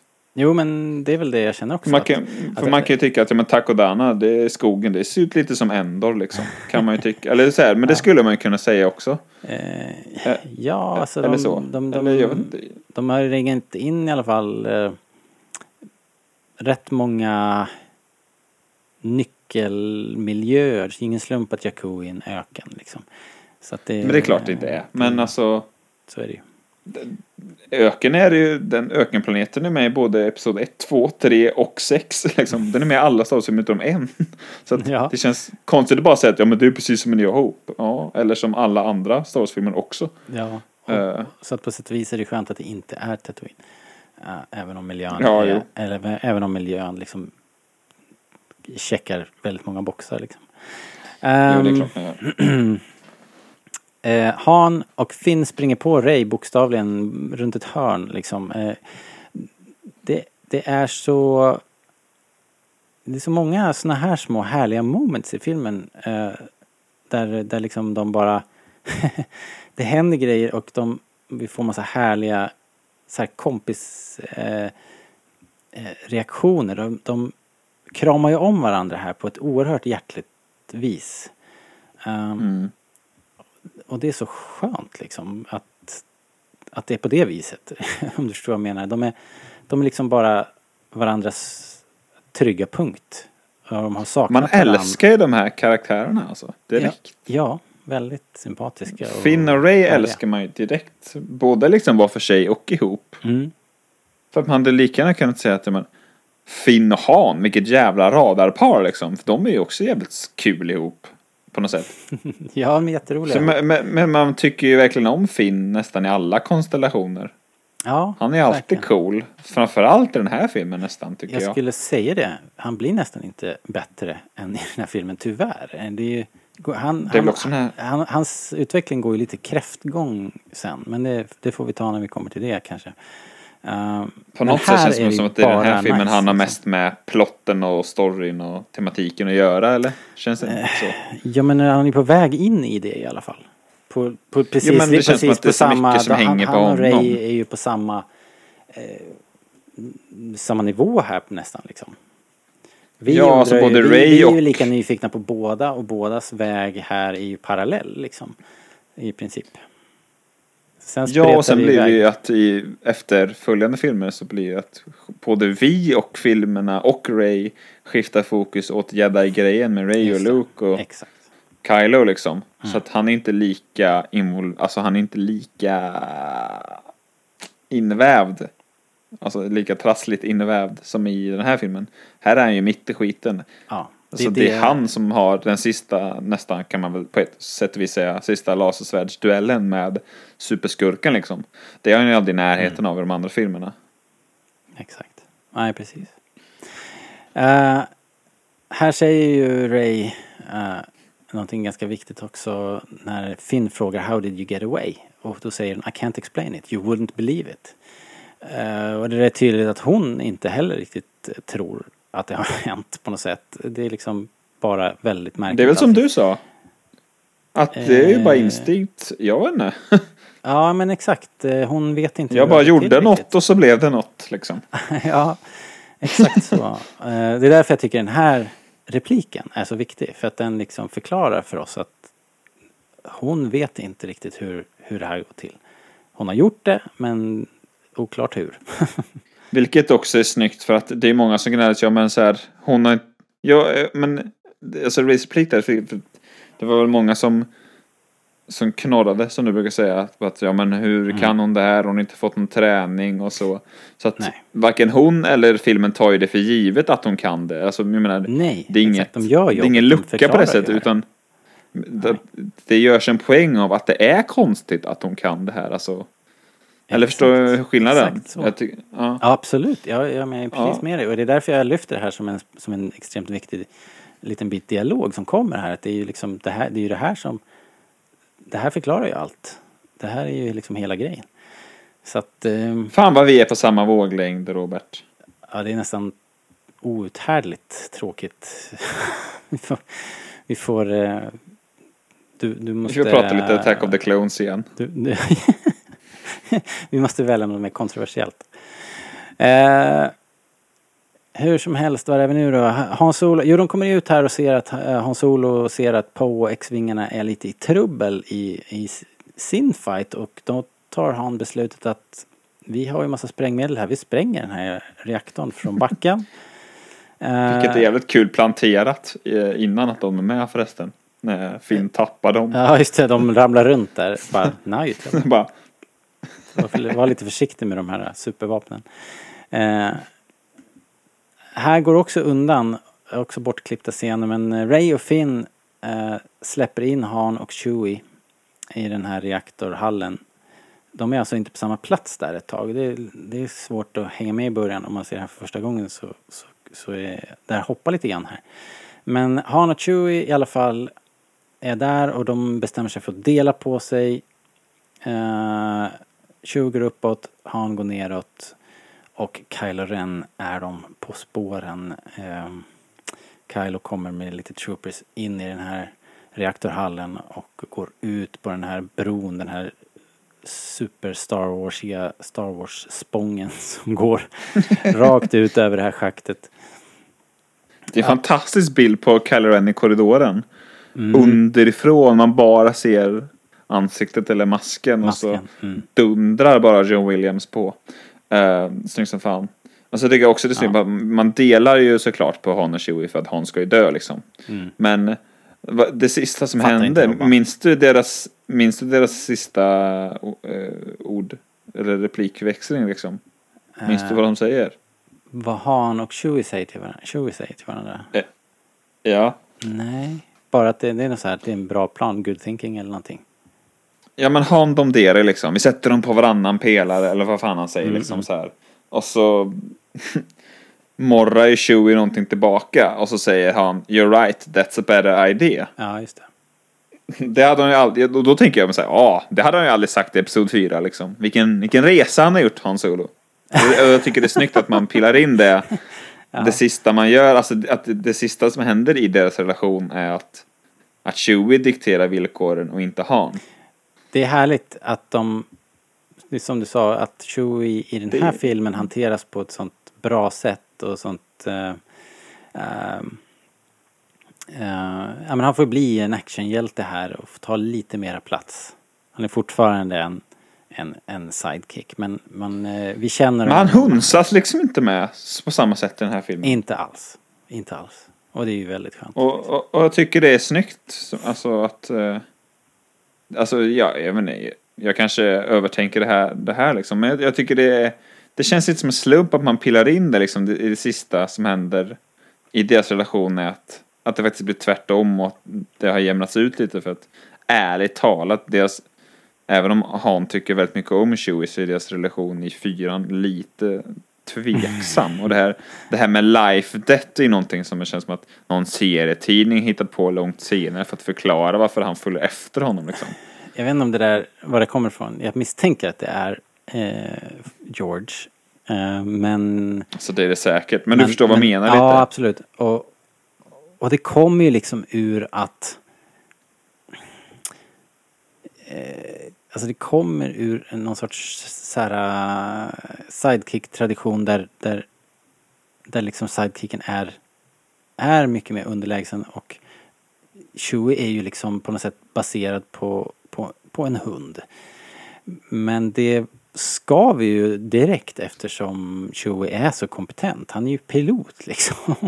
Så det, så det där eh, har, har ju liksom legat lite konstigt egentligen hela vägen eh, till den här filmen kan jag tycka faktiskt.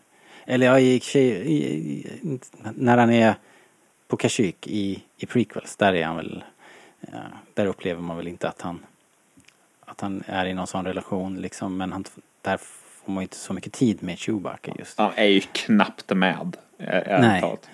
Nej, men här är det ju annorlunda och det är väldigt skönt. Väldigt kul. Och, kul att se honom som en actionhjälte. Han klättrar omkring här och placerar ut bomber och grejer. Liksom. Man får se hans eh, svarta prinskorvfingrar liksom. Jätteroliga. Eh, han sätter ut de där bomberna. Och eh, det blir läskigt nu för att eh, nu ser ju han sin chans då att konfrontera Ben. Det här är ju kanske, ja men det är ju en, någon av de snyggaste scenerna i hela filmserien. Eh, Den här hela settingen med spotlighten från den slocknande solen. Eh, Han som försöker nå sin son här och eh, för en stund så känns det som att han lyckas. Tycker jag. Men eh, i slutändan. Hur slog det dig att han hette Ben? Alltså det var så självklart när han skrek det. Man fattar ju direkt. Alltså direkt. Som ett gammalt fan av Star Wars och de här gamla historierna som nu är Legends och sådär så det tog ju bara en millisekund för mig. Det, det kändes inte konstigt alls faktiskt. Det var självklart på något sätt. Mm. Det- det ja, jag väldigt- tycker det är snyggt också. Eh, Så det, det var Det kom som helt naturligt. Eh, Som jag sa någon annan gång, det är väl klart att Hans Solo döper sin unge efter racinglegendaren Ben Quadrinaros. som Just det. Just det. det Kanske var, det kanske var så som, som eh, Leia sålde in det liksom. På något sätt. Men hon hade en baktanke. Ja, ja, hur som helst. Det är ju en otroligt bra scen där det går... Det här lilla hoppet man har, eller jag i alla fall hade märkligt nog, det liksom vrids ur händerna på en precis som djursaben vrids ur Hans Solos händer och och Kylo Ren dödar Hans Solo här. Eh, Det är fortfarande lite jobbigt att se tycker jag. Det är väldigt, väldigt bra gjort. Um, Den är smärtsamt lång scenen. ja, det är ju Speciellt utdraget. när man vet vad som ska hända och sen så slocknar ju då den här stjärnan till slut så blir det rutt bara. Ah, det är så snyggt. Det har ju varit rutt innan men det blir ju endast rutt sen. Solen slocknar. Och då skiftar ju tonen helt liksom. Ja. Och ljud Det är och allt. jävla bra Hela scen, ljudbilden. Ja, det är så jäkla snyggt. Uh, Show, Chewie eh, skriker ut, drar iväg ett av de här bowcaster-skotten då som vi nu har lärt oss eh, att det är en kanon. Träffar Kylo i sidan men han står pall. Av det här ska På vi fatta att Kylo är, är lite skadad till tufsad då, då. Kan ju vara värt att ha i åtanke för vad som händer härnäst. Um, Chewie detonerar sen laddningarna medan alla fortfarande är kvar i byggnaden. Eh, byggnaden börjar kollapsa, boom, boom. Och eh, ja, musiken och bilderna, det här är oerhört mäktigt, eh, väldigt snyggt. De kan ju göra sånt här så jävla pampigt nu för tiden. Uh, vad som förr hade varit en modell med massor av kinapuffar och en dunk bensin är ju nu liksom något annat. Väldigt Vilket älgättens namn låter lite coolare nu när du säger det. Ja, men effekten äh, blir lite mer tvådimensionell på det där gamla sättet. Här kan man ju ändå se en enorm eh, struktur kollapsa, vilket är coolt liksom. Det är också gött att när du säger Kina-puffar så tänker jag först och främst på godiset Kina-puffar. Jaha. Undrar vad som händer Som säger, ja just det, det är ju någonting annat egentligen. Rispuff. Man kanske kan kombinera dem. Ja, det jag tänker också att det kanske blir någon sån här äh, som när man har äh, Mentos i Coca-Cola. Liksom. Det kanske blir sjuk explosion. Liksom. Det borde någon testa. Practical Ja. effects man. Practical effects. Ja, verkligen. Det blir så, I min Star Wars-film kommer det bli den typen av practical effects. jag Eh, kommer se den i alla fall. Det, tack. Um, motståndsrörelsen med Leia och Akbar i spetsen inser att eh, tiden är knapp här. Det är bara några minuter kvar innan vapnet är redo att skjuta igen. Finn och Ray möter den skadade blödande Kylo Ren i den här vintriga skogen. Det är fantastiska bilder. Vi fick ju en liten tease i någon trailer. När Kylo springer Första i teasern? den här eh, läskiga skogen. Ja, eller hur? Sista som händer i den. Um, Det är näst sista det, innan det klippet, är, klippet är ju inte med i filmen sen, men han tänder sin sabel där, det är jävligt coolt. Den här vintriga skogen från Rays vision som du sa också. Vi hade ju fått en liten sneak peek här, eh, vart, det, vart vi var på väg någonstans. Kraften vet. Uh, ja, nu står vi här. Kylo, Ray och Finn. Konfrontation. Uh, Kylo kastar undan Ray. Och hon är liksom avsvimmad. Och Finn eh, i vredesmod anfaller med Kylos morfars sabel. Eh, och det går inte så bra. Eh, han är på defensiven hela tiden och det är ganska snart över. Eh, även om Finn då innan han faller får in ett, ett snitt på Kylos högra axel tror jag det är. Ehm, Det är då det är över. Då, tappar han ju tålamodet med den här jävla ja, stormtroopern, exakt. alltså. Då, då Det tar det surnar, fem sekunder. surnar han till och sen är det över. När Röker den ryggraden, som vi säger i Skövde. Kylo. Det här är coolt. Det här, var, eh, här har vi ett adventskalender moment eh, när Kylo ska forcefånga Saben. Eh, Så gör ju den då den här oväntade svängen i luften och Älskar du Kylo duckar? Ja, det är så coolt.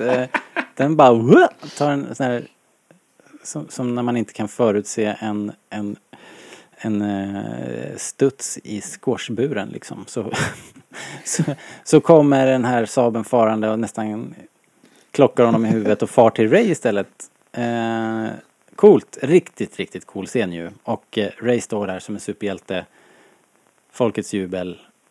Eh, och Ray anfaller med, med ilska och kraft. Här. Hon är liksom arg. Hon är, och lite Med läsk så här, och skiten. hon är liksom lite... Eh, så här... Det, det är i vredesmod eller i så här... Det är väl lite så här O, det är anfall är bästa okontrollerad försvar attack grej liksom. också. Nej, det, det är liksom bara, det är bara full fart framåt. Det finns ingen riktig strategi och tanke utan hon bara vevar liksom. Men eh, alltså för, för, för de som in, kanske inte fanns, höll jag på att säga, men de som kanske inte lyssnade på vår julkalender. Ja, Visst hann du tänka att det kanske var Luke som skulle stå där och nej. Jag har glömt bort Luke nu. Helt. ja. Jag hann ju tänka det faktiskt. Ja, Okej. Ja, det hade varit Jag hade inte tyckt att det var bättre liksom med facit i hand för att det hade känts lite som att så här, ja men hallå, vart är vår precis. huvudkaraktär Ja, någonstans? nej det hade Men- ju inte varit logiskt. Men jag förstår. Nej det hade ju verkligen inte varit logiskt. Men det är ju väldigt lätt att tänka det i, i stundens, i stridens hetta som man säger. Så åh nu kom Nej, ja ja, det här var ju nästan bättre liksom. Ja. Men det sa inte Lu- äh, Luke, Mark Hamill det också när han läste manuset också, eh, någon gång? Tror jag han berättade långt Ja, senare precis. att även han trodde liksom Nu är det dags. Nu får jag vara väl- med. Det står väl liksom att den flyger förbi Kylo Ren och, och så tänkte han att "Ja, nu är det jag. Nu vänder jag blad och så står det Vad fan. Nej, det är ju så svårt att tänka sig stackars Mark Hamill som fick vara med om hela den här äh, resan, uppbyggnaden, fick hålla allting hemligt som, precis som vanligt när det är såna här filmer. Och sen så i slutändan är han med eh, knappt något.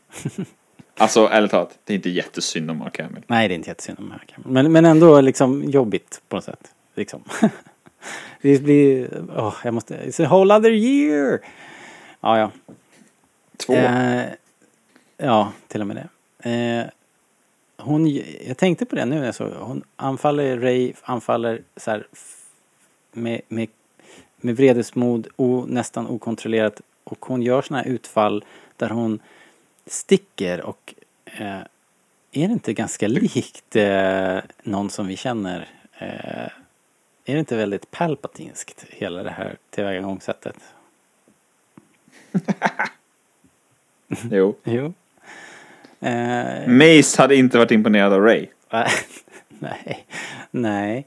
Eh, men, men det är effektivt ändå. Hon får in några träffar. Och eh, nu har ju Kylo Ren tagit så mycket stryk här i skogen. Det är en väldigt visuell, väldigt, väldigt cool fight. Men, Men vi liksom- ska väl också putta in att Därför att de slåss ju några sekunder och sen så klipper vi iväg till den här luftstriden. Mm. Och sen när vi väl kommer tillbaka igen då, då är ju Ray, det är ju spel mot ett mål. Ja, det är det. Hon, är- Hon flyr ju här, Ray. Ja, precis. Hon, hon står på hälarna och eh, liksom blir ju... Det håller på, hon håller väl typ på att trilla ner i en ravin eller?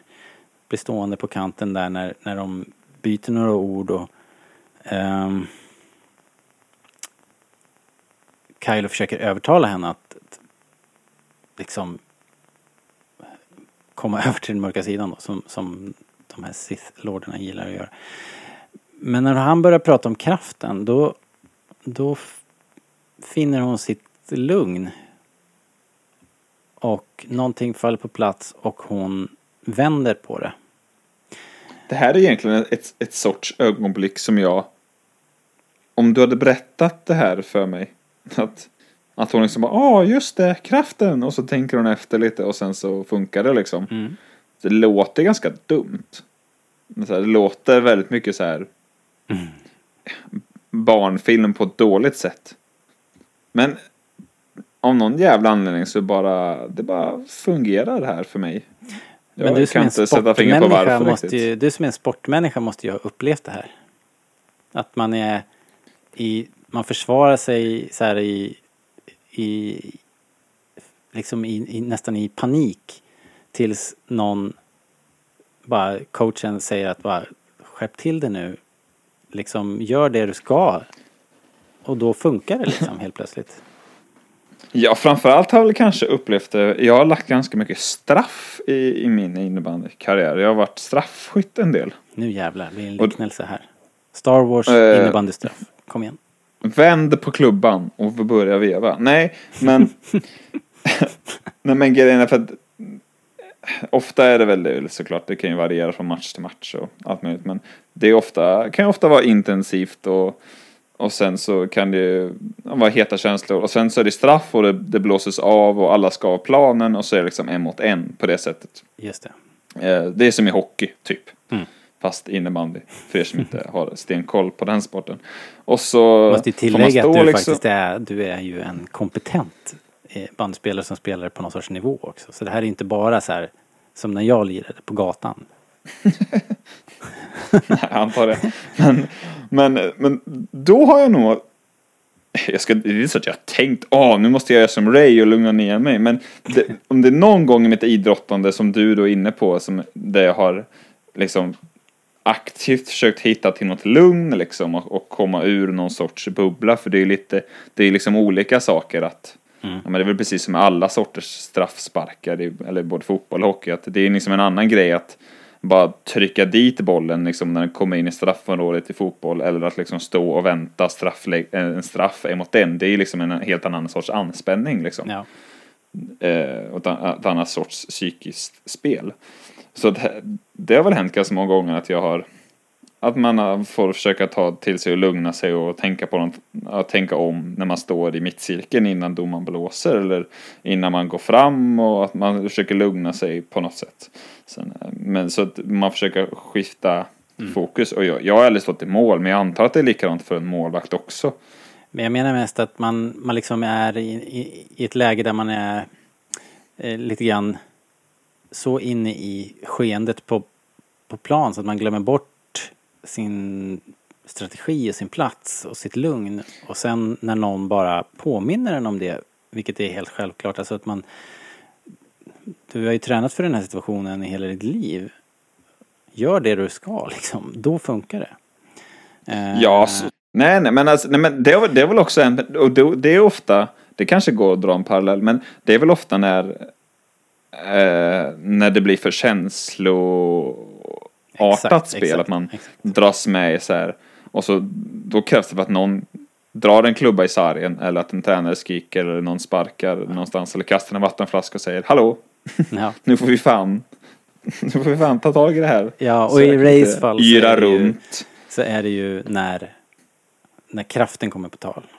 Och så lyckas hon hämta kraft i, i kraften, märkligt nog. Eller alltså, inte märkligt, men det blir en, det låter knappt. Men i alla fall. Overkligt. Overkligt. Hon i alla fall eh, samlar ihop sig och vänder på den här eh, fighten lite grann. Hon går på liksom ett sista anfall på något sätt och lyckas eh, få Kylo, den skadade Kylo då, ur balans och sopar till honom ganska rejält. Han får ju ett stort ärr över facet och eh, jag undrar om inte hans sabelarm också blir rätt illa tilltygad om jag inte missminner mig. Här Jo, han lagar väl sitt svärd i åttan, gör han inte Mm, det? ja, just det. Eller det är lagat i alla fall, Ja, just det. Men, det eh, har jag för mig.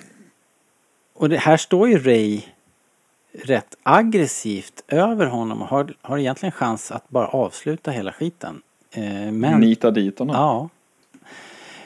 Jag undrar om hon hade varit beredd att göra det, kanske liksom. För att hon, Det tror jag hon mycket, hade. Hon hade sett ju rätt mycket, alltså med Hans död och ehm, och eh, också Finn här nu. Hon vet ju inte hur det är med honom och allting. Så han hade nog, om inte det hade varit så att kraften som jag tolkar det här nu då. Det här tror jag vi har pratat om också. Att nu eh, eh, delar sig planeten. Den håller ju på att rämna då i och med att, eh, i och med att Poe under tiden här har sprängt den här oscillatorn som, som ska hålla den här enorma kraften av vapnet i, i schack. Den släpps lös nu och hela planeten håller på att kollapsa. Så då öppnas det en stor eh, klyfta mellan de två här. Och jag ser ju det som att kraften kliver in och delar på dem för att det håller på att gå lite snett här. Men eh, alltså, to your point Robert, hon försöker ju döda honom. Att hon försöker ju skjuta honom och det är därför han slungar iväg in i ett träd. Ja, så kanske det börjar ja. Just det, hon drar. Ja, hon har ju sitt eh, gevär med sig, sitt vapen och Ja, ska lyfta det för att skjuta och ah, ah, ah, säger han. Just det. Ja, så att, Så att eh, jag tror du har helt rätt. Jag tror att- hon hade nog fan mig nitat dit honom där alltså. jag tror det. I, eh, Jag tror det också. Och ehm, eh, det blir ju som sagt inget avslut då. då. Ray behöver ju inte välja riktigt. Hon behöver inte göra det där. Utan eh, marken öppnas och de skiljs åt och Hux, Hux, Hux evakuerar. Hooks. Han evakuerar. H-Ö-X. Det är så härliga scener där när allting håller på att falla ihop och, och eh, de här första ordningen officerarna bara börjar fly fältet. Det, det är härligt. Eh, Återigen, Haxe verkar inte vara någon superidealist heller. Han flyr bara. Han försöker inte rädda sitt fantastiska vapen heller. Hans episka tal till trots. Nej, När det väl kommer till kritan så... det är väl lite jobbigt. då. Han säger väl att det har börjat kollapsa och Snoke säger åt honom, beordrar honom att ta, ta Kylo med sig och dra därifrån. Kom hit kompis. Japp. Så ska vi Mm. avsluta träningen. Um, Chewie plockar upp Ray och Finn i sista sekunden och de far iväg just som Starkiller Base Illum då och kollapsar ihop och blir en ny stjärna. Whoop. Star Ah, Wars Physics. Victory. Eh, Tänk att det i Star Wars blir en star av lite war. wow. Men vet du vad som slog mig nu också? Nu när vi pratar om eh, Ray och Kylo. Eh, Innan hon trycker till honom i, med, i ansiktet där och ger Ja. honom det här ärret. Så står de ju liksom, de håller ju, de står ju näsa mot näsa nästan, håller i varandras eh, svärd på något sätt. ja, I någon ja. sorts dragkamp, fast tvärtom. Ja. Tryckkamp. Nej men, Ja. och det är då vi får det häftiga att eh, svärdet bara skjuter upp massa snö och det är väl slow motion till och med tror jag. Och musiken. Ja just det, de sablarna är, går i backen liksom och det fräser. Ja, och det, och det är hur coolt som helst liksom. Men jag vet inte, men är inte det också kanske första gången man det, de blir ju praktiskt taget en spegelbild av varandra liksom. Ja. Rent visuellt. ja, det är otroligt kan, att vi alltså, inte sånt liksom... där kan ju inte vara en slump. Nej, alltså nej, nu i nej. efterhand. Nej, det, Det tror inte jag kan heller. det inte vara. Nej, det är det inte. Det tror jag inte. Och det finns i affischen också. Vi hade ju redan... Jag vet att vi pratade om affischen på den tiden. Då, liksom, Ja, det- att- det minns att jag de som här- lyssnade på den De tiden. här parallellerna som finns i affischen och så. Att vi fattade ju att det var någonting men att vi kunde inte ta det till nästa nivå förrän, förrän senare eh, när vi hade sett nästa film. Då började väl saker och ting. Eh, ja, då föll det på plats liksom. Eh, eh, eh, ja. Vad heter det? Ja, de drog iväg där sista sekunden som sagt. Ray träffar Leia då igen. Eller nej, det är första gången de träffas. Och det, de får en ömkram där. där. Lite så här mm, svårt nästan att förstå deras koppling till varandra. Men på något sätt Det var, var det inte många som argumenterade för att de hade träffats tidigare här? Att det var någon sorts ledtråd till att det var Lukes dotter. Kommer ihåg att det var ett jävla tjafs om. ja, jo, man tänkte ju det att, att det fanns ett släktskap med någon i kärntruppen där eftersom det här var ett sånt ömt möte. Jag tänkte att det bara var någon kraftgrej. Ja, Dels så har hon ju varit väldigt nära hennes son och hon har använt hennes brorsas svärd och och så kan man ju tänka att det har rapporterats fram redan att Hans Solo har fallit och Ray var där och allting. Eh, ja, och sen så har ju hört talas om henne innan också. Så ja, fattar väl. ja, men precis, precis. Ja, ja. Så jag tycker inte det är så konstigt. Här...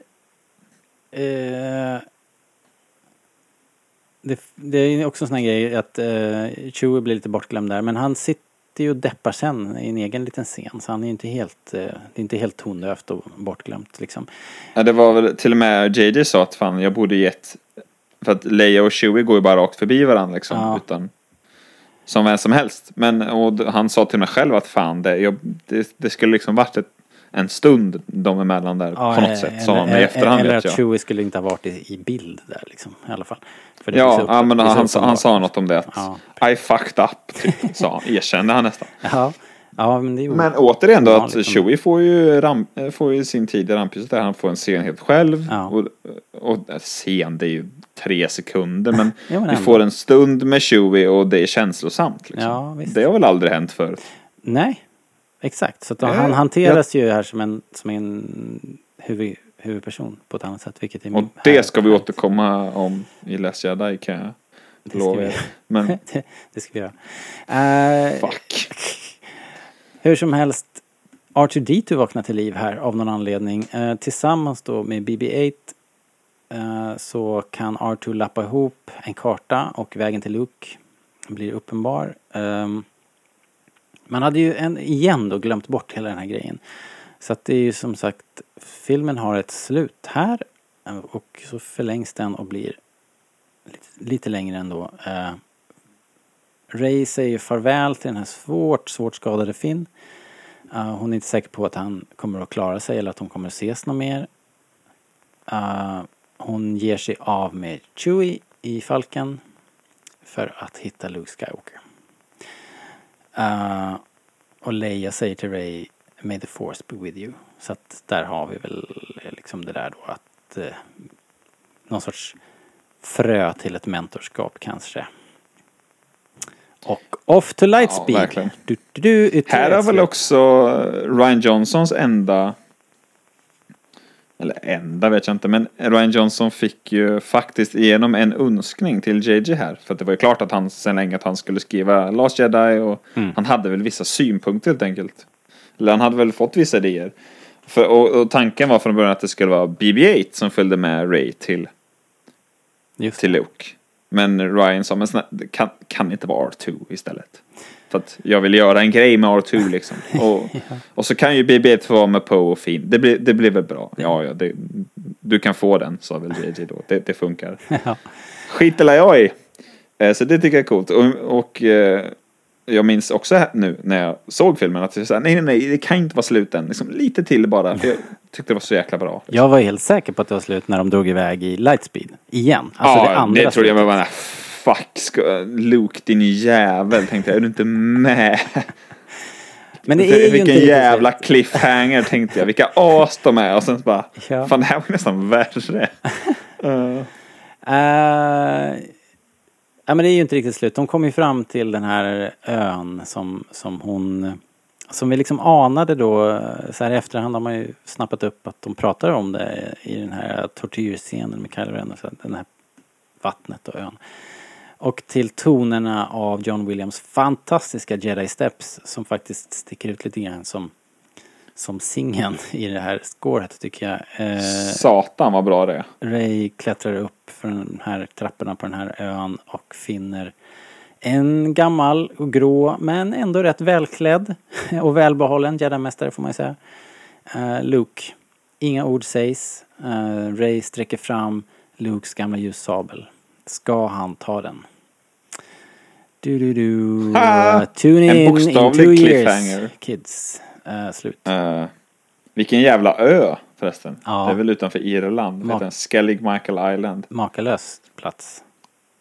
Och makalös Luke och med trappa. Allt. Vilken jävla. Ja. Fy fan vad snyggt. Det Vet ser ut som vad- världens vet- coolaste barnbok. Men liksom. vet du vad jag inte gillar på slutet där? Det absolut sista är en, en hel- Helikopterbilden. helikopterbilden. Ja det är så jävla fult. Eh, Ja visst, det skär sig. Ja, Jag var så här. Åh nu ska vi ha den sista bilden i filmen. Ja vi kan ta den här fula bilden. jag vet inte vad det är Ja, det som... bra. eh, Det är bara inte Star Warsigt på något sätt. Jag vet inte vad det är, men det... Det är, Jag så, det är så, de- det är så alltså så uppenbart att det är den här turisthelikoptern helikopter. som flyger där till vardags. Det är där de sitter där. Det, så, det blir så uppenbart att det är en helikopter och... Eh, ja, det är synd faktiskt. Men men. Alltså jag känner ju på något sätt. Eller så jag fattar ju varför. För att. Alltså, jag är ju ingen expert på att klippa filmer på något sätt. Jag har knappt gjort det. Men jag håller på med det nu. Och, och så, så fattar jag så här. Okej. som, jag kan tänka mig, eller jag kan, det kanske inte alls är så här, men jag kan tänka mig att de resonerar så att, ja men vi, det kanske jag vill inte avsluta på den här närbilden på Luke liksom. Eller så här, vi vill avsluta med någon sorts helbild eller bla bla bla. Ja. Okej, ja det, det låter väl bra, men måste det vara från en helikopter? Nej men precis, Eller? de kunde ha klättrat upp på en av topparna där bara. Eller tagit en wide shot på dem från backen. Ja, för att, minns du sista bilden i Zulu? Minns du den? Ehm, nu ska vi se. Ja, just, nej, allra sista. Allra sista som man ser, vet du vad det är? Det är ju det De där. med jävla tärningarna. Ja, just det. De Det är den sista bilden. Men är, det inte kort, eh, de spelar väl om Falken det allra sista? Men det är också Ja, det är ju sista scenen. Ja. Och sen så åker de därifrån och så är det en närbild på tärningarna och då liksom... Mm. Du, du, du, du, du, du, och så blir det liksom directed by Ron Howard. Och så här, men vad fan, kunde det inte bara varit att de åkte iväg och så blir det tomt kvar och, och, och så, det är så här, istället så stannar man i cockpiten och ser de här jävla tärningarna. Jag är väldigt lack på det. Sen fattar jag, men tärningarna är ju bland det första vi ser också. Jag bara, ja, jag skiter väl jag i det. Det Men hela tärningarna, ut. de har verkligen, det har ballat ur verkligen. Ja, ja. Men du, eh, vi, vi måste, den här podden har ju som vanligt blivit helt perverst lång så vi ska avsluta den nu. Eh, Men, men då vill jag bara säga, sista innan vi avslutar, alltså jag vill bara prata klart om scenen. Ja. Jag har en sak till. Okej. Att det, det här, alltså jag vet inte, men se, måste man inte betrakta det här som ett vågat val av ja men JJ och Castan och allt vad de heter? Jo, Att ja, Luke är inte med, typ, och han är med och han får inte säga någonting liksom. Det är rätt kaxigt, eller? Är det inte det? det är det. Eh, Och, så, och därför blir jag så Frustrerande vad många säger att liksom. Ja men det, det är därför jag blir så knäckt på den här kritiken om att de säger, ja men den var så enkel och safe den här filmen liksom. De tog inga risker och det var bara... Tvärtom fan. Det, det där är ju Exakt! sånt jävla skitsnack. Tack, Robert. Herregud vad mycket, Tack, vad, Robert. vad många slagskott de tog med den här liksom. För att snacka hockey. Det, det- alltså, det är ju, det är så många chansningar. Eh, det här hade ju kunnat gå våldsamt fel liksom. Hela det här projektet. Man, man, kan, inte, Ja, man men- kan aldrig liksom eh, man kan aldrig liksom överskatta den otroliga pressen som JJ var under när han gjorde den här filmen. Så att jag Nej, tycker vi kan här, förlåta alltså- honom liksom att han tar eh, tar tag i den sargen som är strukturen av Episod 4. Jag, jag, jag kan så himla lätt förlåta det. För att Alltså, jag, jag, måste ha någonting det. Jag tänker bara i, liksom. uppskatta det och gilla det. För jag tycker, så- Ja. jag tycker, jag tycker, det är inte bara jag köper det. Jag diggar det liksom. Ja. Eh, Ja, ja. Och, sen, och sen dessutom, eh, jag vet inte, jag tror att jag som du när jag hörde, åh, episod 7 liksom. 30 år efter episod 6. Om men fan vad coolt, vi kommer se Han Solo och Chewie flyga runt i Falken, Luke kommer ha alla sina coola jedi-riddare liksom. Vet att jag var inte så alls där. Jag, var, jag, var, jag var, hade helt släppt dem. Jag hade inte, jag ville ju knappt ens att de skulle vara med. Så jag Aha, var inte där alls faktiskt. Men, men jag kan ju räkna, Okej, men, jag, men jag, men jag tror att många med mig hade den ja, bilden. Liksom, ja men det att- tror jag. Det tror jag. Men istället så här, ja, Han, jag tror vi pratade om det här förra avsnittet också, men så här, Han och Leia har eh, skilts, de har inte ens Falken kvar, Luke, de har inte ens träffat varandra, alltså allt gått åt helvete. Det är väl så osafe det kan vara, eller? Ja. Jag och förstår- det jag- är, jag kan och det verkligen är inte så förstå. bra. Jag tycker det är så Ja. jäkla bra. Men så, ja, ni vill veta hur det gick för Han Solo och dem efter kriget? Fuck you, här är Ray och Finn i öknen. Men det hade väl Liksom. också varit helt, helt astråkigt om det inte hade hänt någonting i deras relation på, på eh, 30 år eller vad det är. Men- Ja, exakt. Så Det är det jag tycker är bra också. Det De hade ju varit så ett helt tråkigt. liv. Det måste ju ha hänt någonting. Liksom, om han hade dykt upp där i sin eh, vita skjorta och svarta väst och röda rivärer så hade det ju varit liksom bara "Ugh." Kom igen. Ja, verkligen kom igen. Och, och, och den här kritiken kommer ju även, alltså jag vet inte om vi ska börja men det hela den jävla jag hatar den här jävla hashtaggen not my Luke efter Lost Jedi. Kommer du ihåg den? Ja, ja. Nej, det här, Ja, det här är ens- inte Luke från originaltrilogin. Jag tänker inte ens ge det någon tid i den här podden. Så jävla Nej, dåligt är det. eh, men så- det, är så här, det finns viss kritik som man ändå kan se att någon har. Eller, jag vill, vi vill inte låta snobbiga heller men, Ja, men man det får finns ju tycka, verkligen man får väl Alltså, liksom man får tycka, tycka. om eller inte tycka om. Men, men liksom som du säger så måste ju kritiken vara, måste ju ha någon sorts grund i, i liksom, måste ju finnas rimlighet i, i, i Ja, kritiken exakt. och, och i verkligheten liksom. Man, Det är en sak att vi inte håller med om kritiken, men Nej. för mig så är det ju bara, alltså, det, det är bara osant. Liksom. ja, Att det är bara påhitt, liksom. Att, det, att det bara är safe och enkelt. Och, det här är ju ett omöjligt träsk. Vi ska inte gå ner oss i det här för det, för det man kan väl i alla fall säga att jag är i alla fall väldigt, väldigt nöjd med att de inte liksom gjorde film av min fanfiction. För det hade ju blivit astråkigt. Ja. Det här, det här är så himla mycket bättre än vad jag någonsin hade kunnat hitta på. Och, och jag, jag älskar den här filmen. Ska vi ta Ska vi ta lite betyg kanske innan vi ger oss in på vårt favoritsegment Most Valuable Extra? Vill du sätta något betyg? Oh yeah. Vi brukar ju hålla oss Eh, mellan 1 och 5. Alltså jag vet inte, jag brukar inte sätta sådär jättemycket betyg. Nej, du är rätt men jag vet att jag, faktiskt. jag vet inte men det känns som att alla Star Det är konstigt för du fi- om älskar ju filmer att kan vara fem. saker liksom. Men Jo, betyg, men det... det- kan du fan inte ge.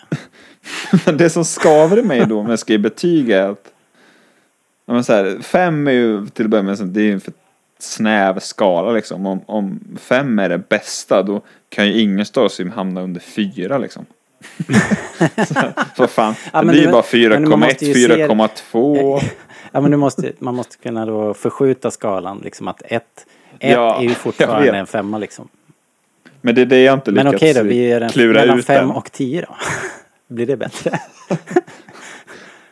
Mellan bra och överjävligt bra. Ja. Nej men eh, jag vet inte. Men det jag dock, ni, om ni har lyssnat på alla de här episodfilmspoddarna vi gjort så, att, eh, så eh, har jag gillat det mesta. Men jag minns ju också att jag, eller jag för mig att jag sa att när du och jag och Hanna gjorde den här, eller vi utsåg den bästa av dem alla. Mm. Så vill jag minnas att jag nämnde att jag, Force Awakens tycker jag är den, är nummer tre liksom på min lista. Mm. Av alla filmer. Och det står jag ju fast vid. Sen vad det blir för något betyg på den jävla skala, det blir väl typ 12 av 5 eller något. Jag vet inte riktigt Ja, vart vi är. Det låter som bra Men, betyg i eh, alla fall.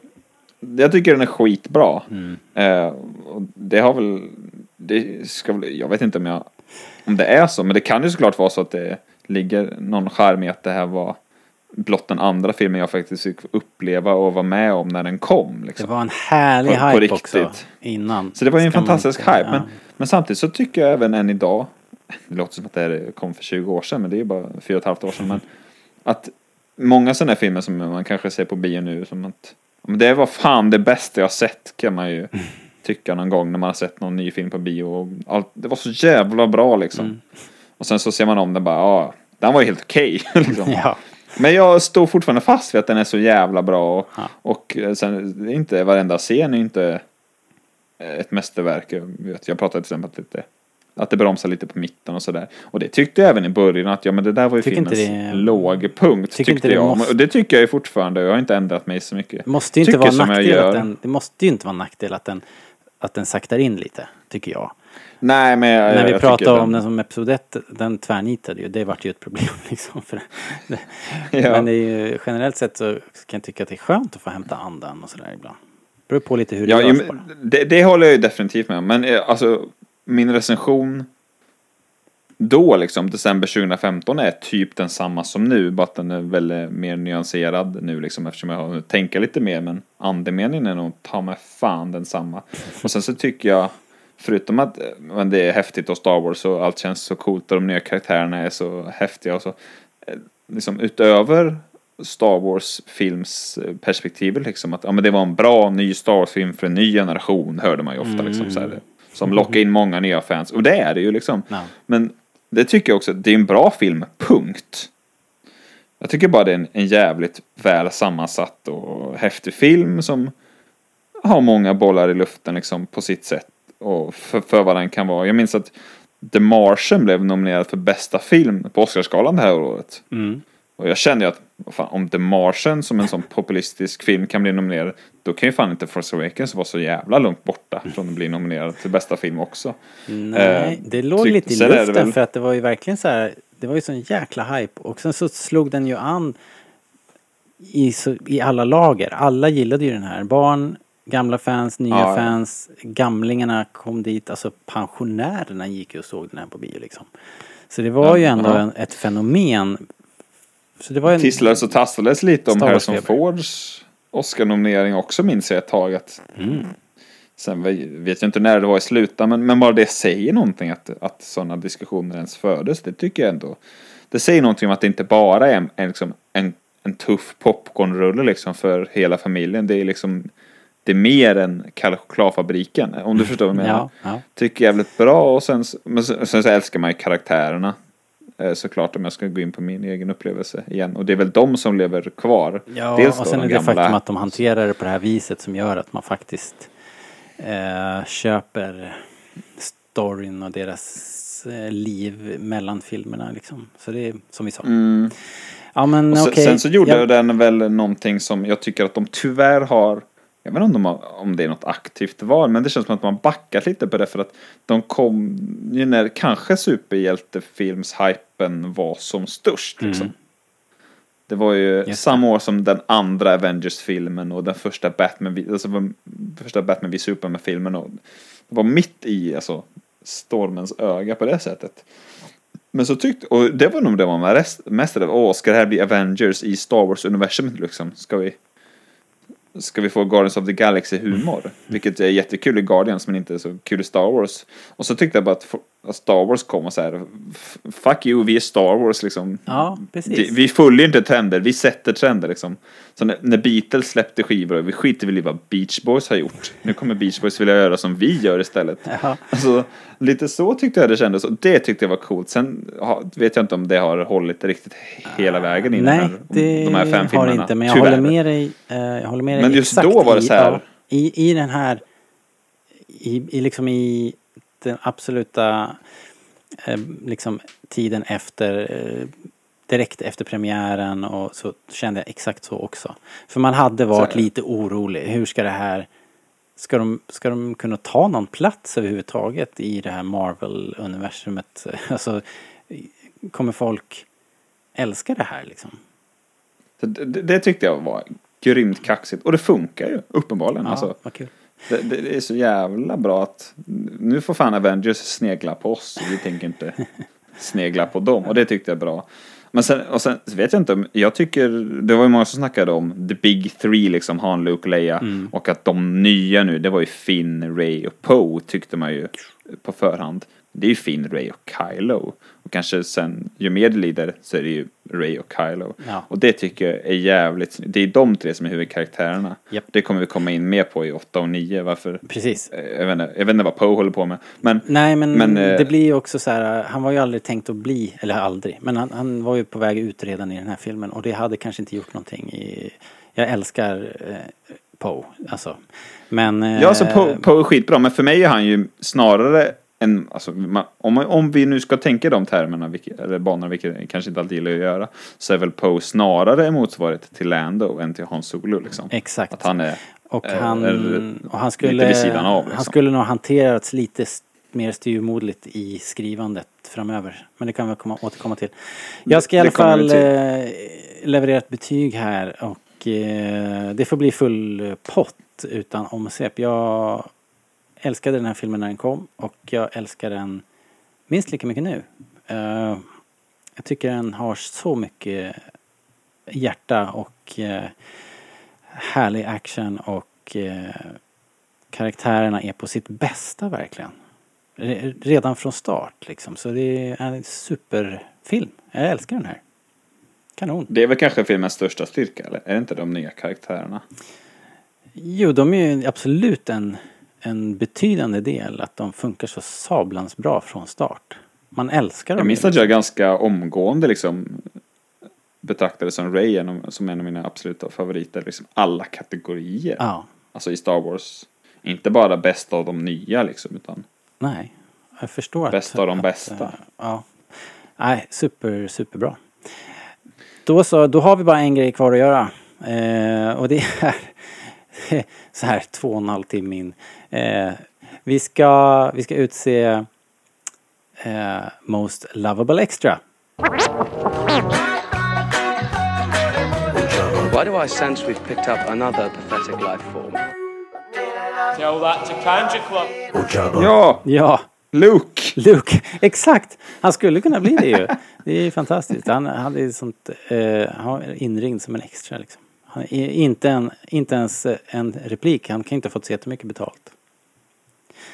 Eh, Han jobbar gratis.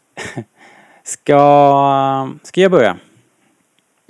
Ja. Ehm, det, var, det var svårt som vanligt. Eh, jag tänker först och främst på Tasso Leach.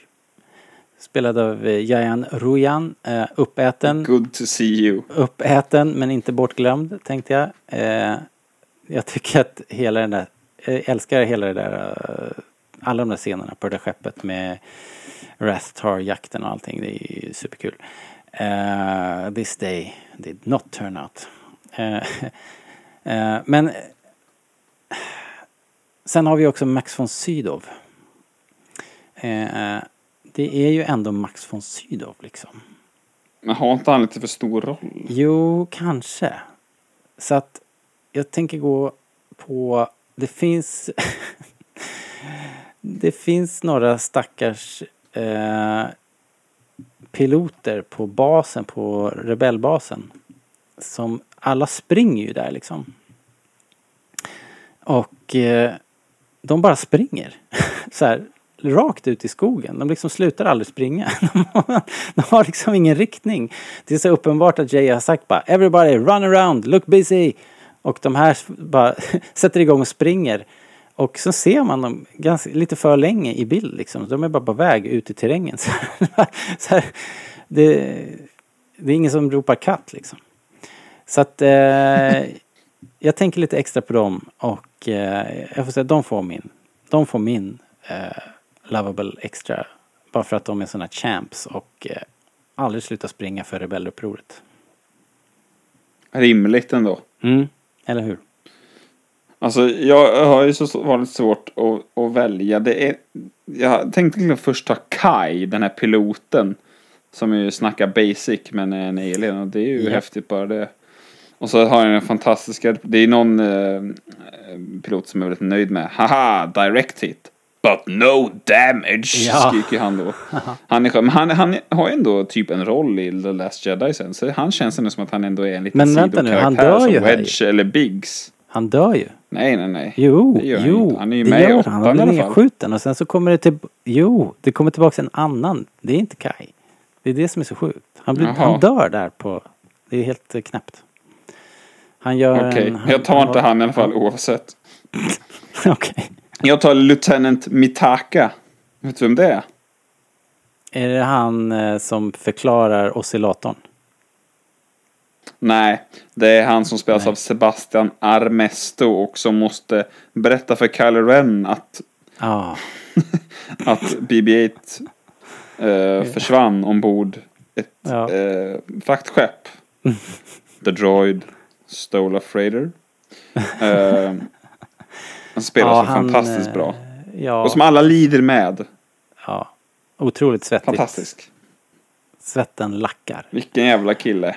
Ja, det är bra. Man kan ju sympatisera med honom, verkligen. Eh, trots att Ja. han är en, eh, en skurk liksom. Så, så, så känner man för honom och man känner stressen. liksom. Som vi säkert sa i den förra podden. Alla, vi har ju alla jobbat för en sån här galning. Kylo Ren galning. Unhinged. Som man helst går. Liksom, Unhinged. som man går på andra, man går omvägar kring när man möter dem på jobbet liksom. Eh, Ja men bra. Bra Lovable Mm. Har du mer att säga, Robert? idag. Nej, vi har sagt alldeles tillräckligt. Thank you very much. Eh, bara att vi ska komma tillbaks va? Och göra Ja, vi har väl ett par filmer till och Episod riva av. 8. Ja, exakt så faktiskt. Så eh, vi har ju haft lite sommarlov och eh, ni fick vänta lite på den här men, men eh, nu har ni lite att lyssna på. Helt enkelt. Ja, nu jävlar, lyssna på det här då. Om ni orkar. Ja. Och fortsätt att komma med kommentarer. Vi älskar ju era input och eh, lite svenska titlar och eh, lite lovable extras. Så, så ska vi tjabba med er på Facebook och våra andra kanaler, e-post och sådär. Så tack för att ni lyssnar och på återhörande då. Tack Linus! Vi hörs snart Tack igen. Robert. Ha det bra! Hej då! Hej då!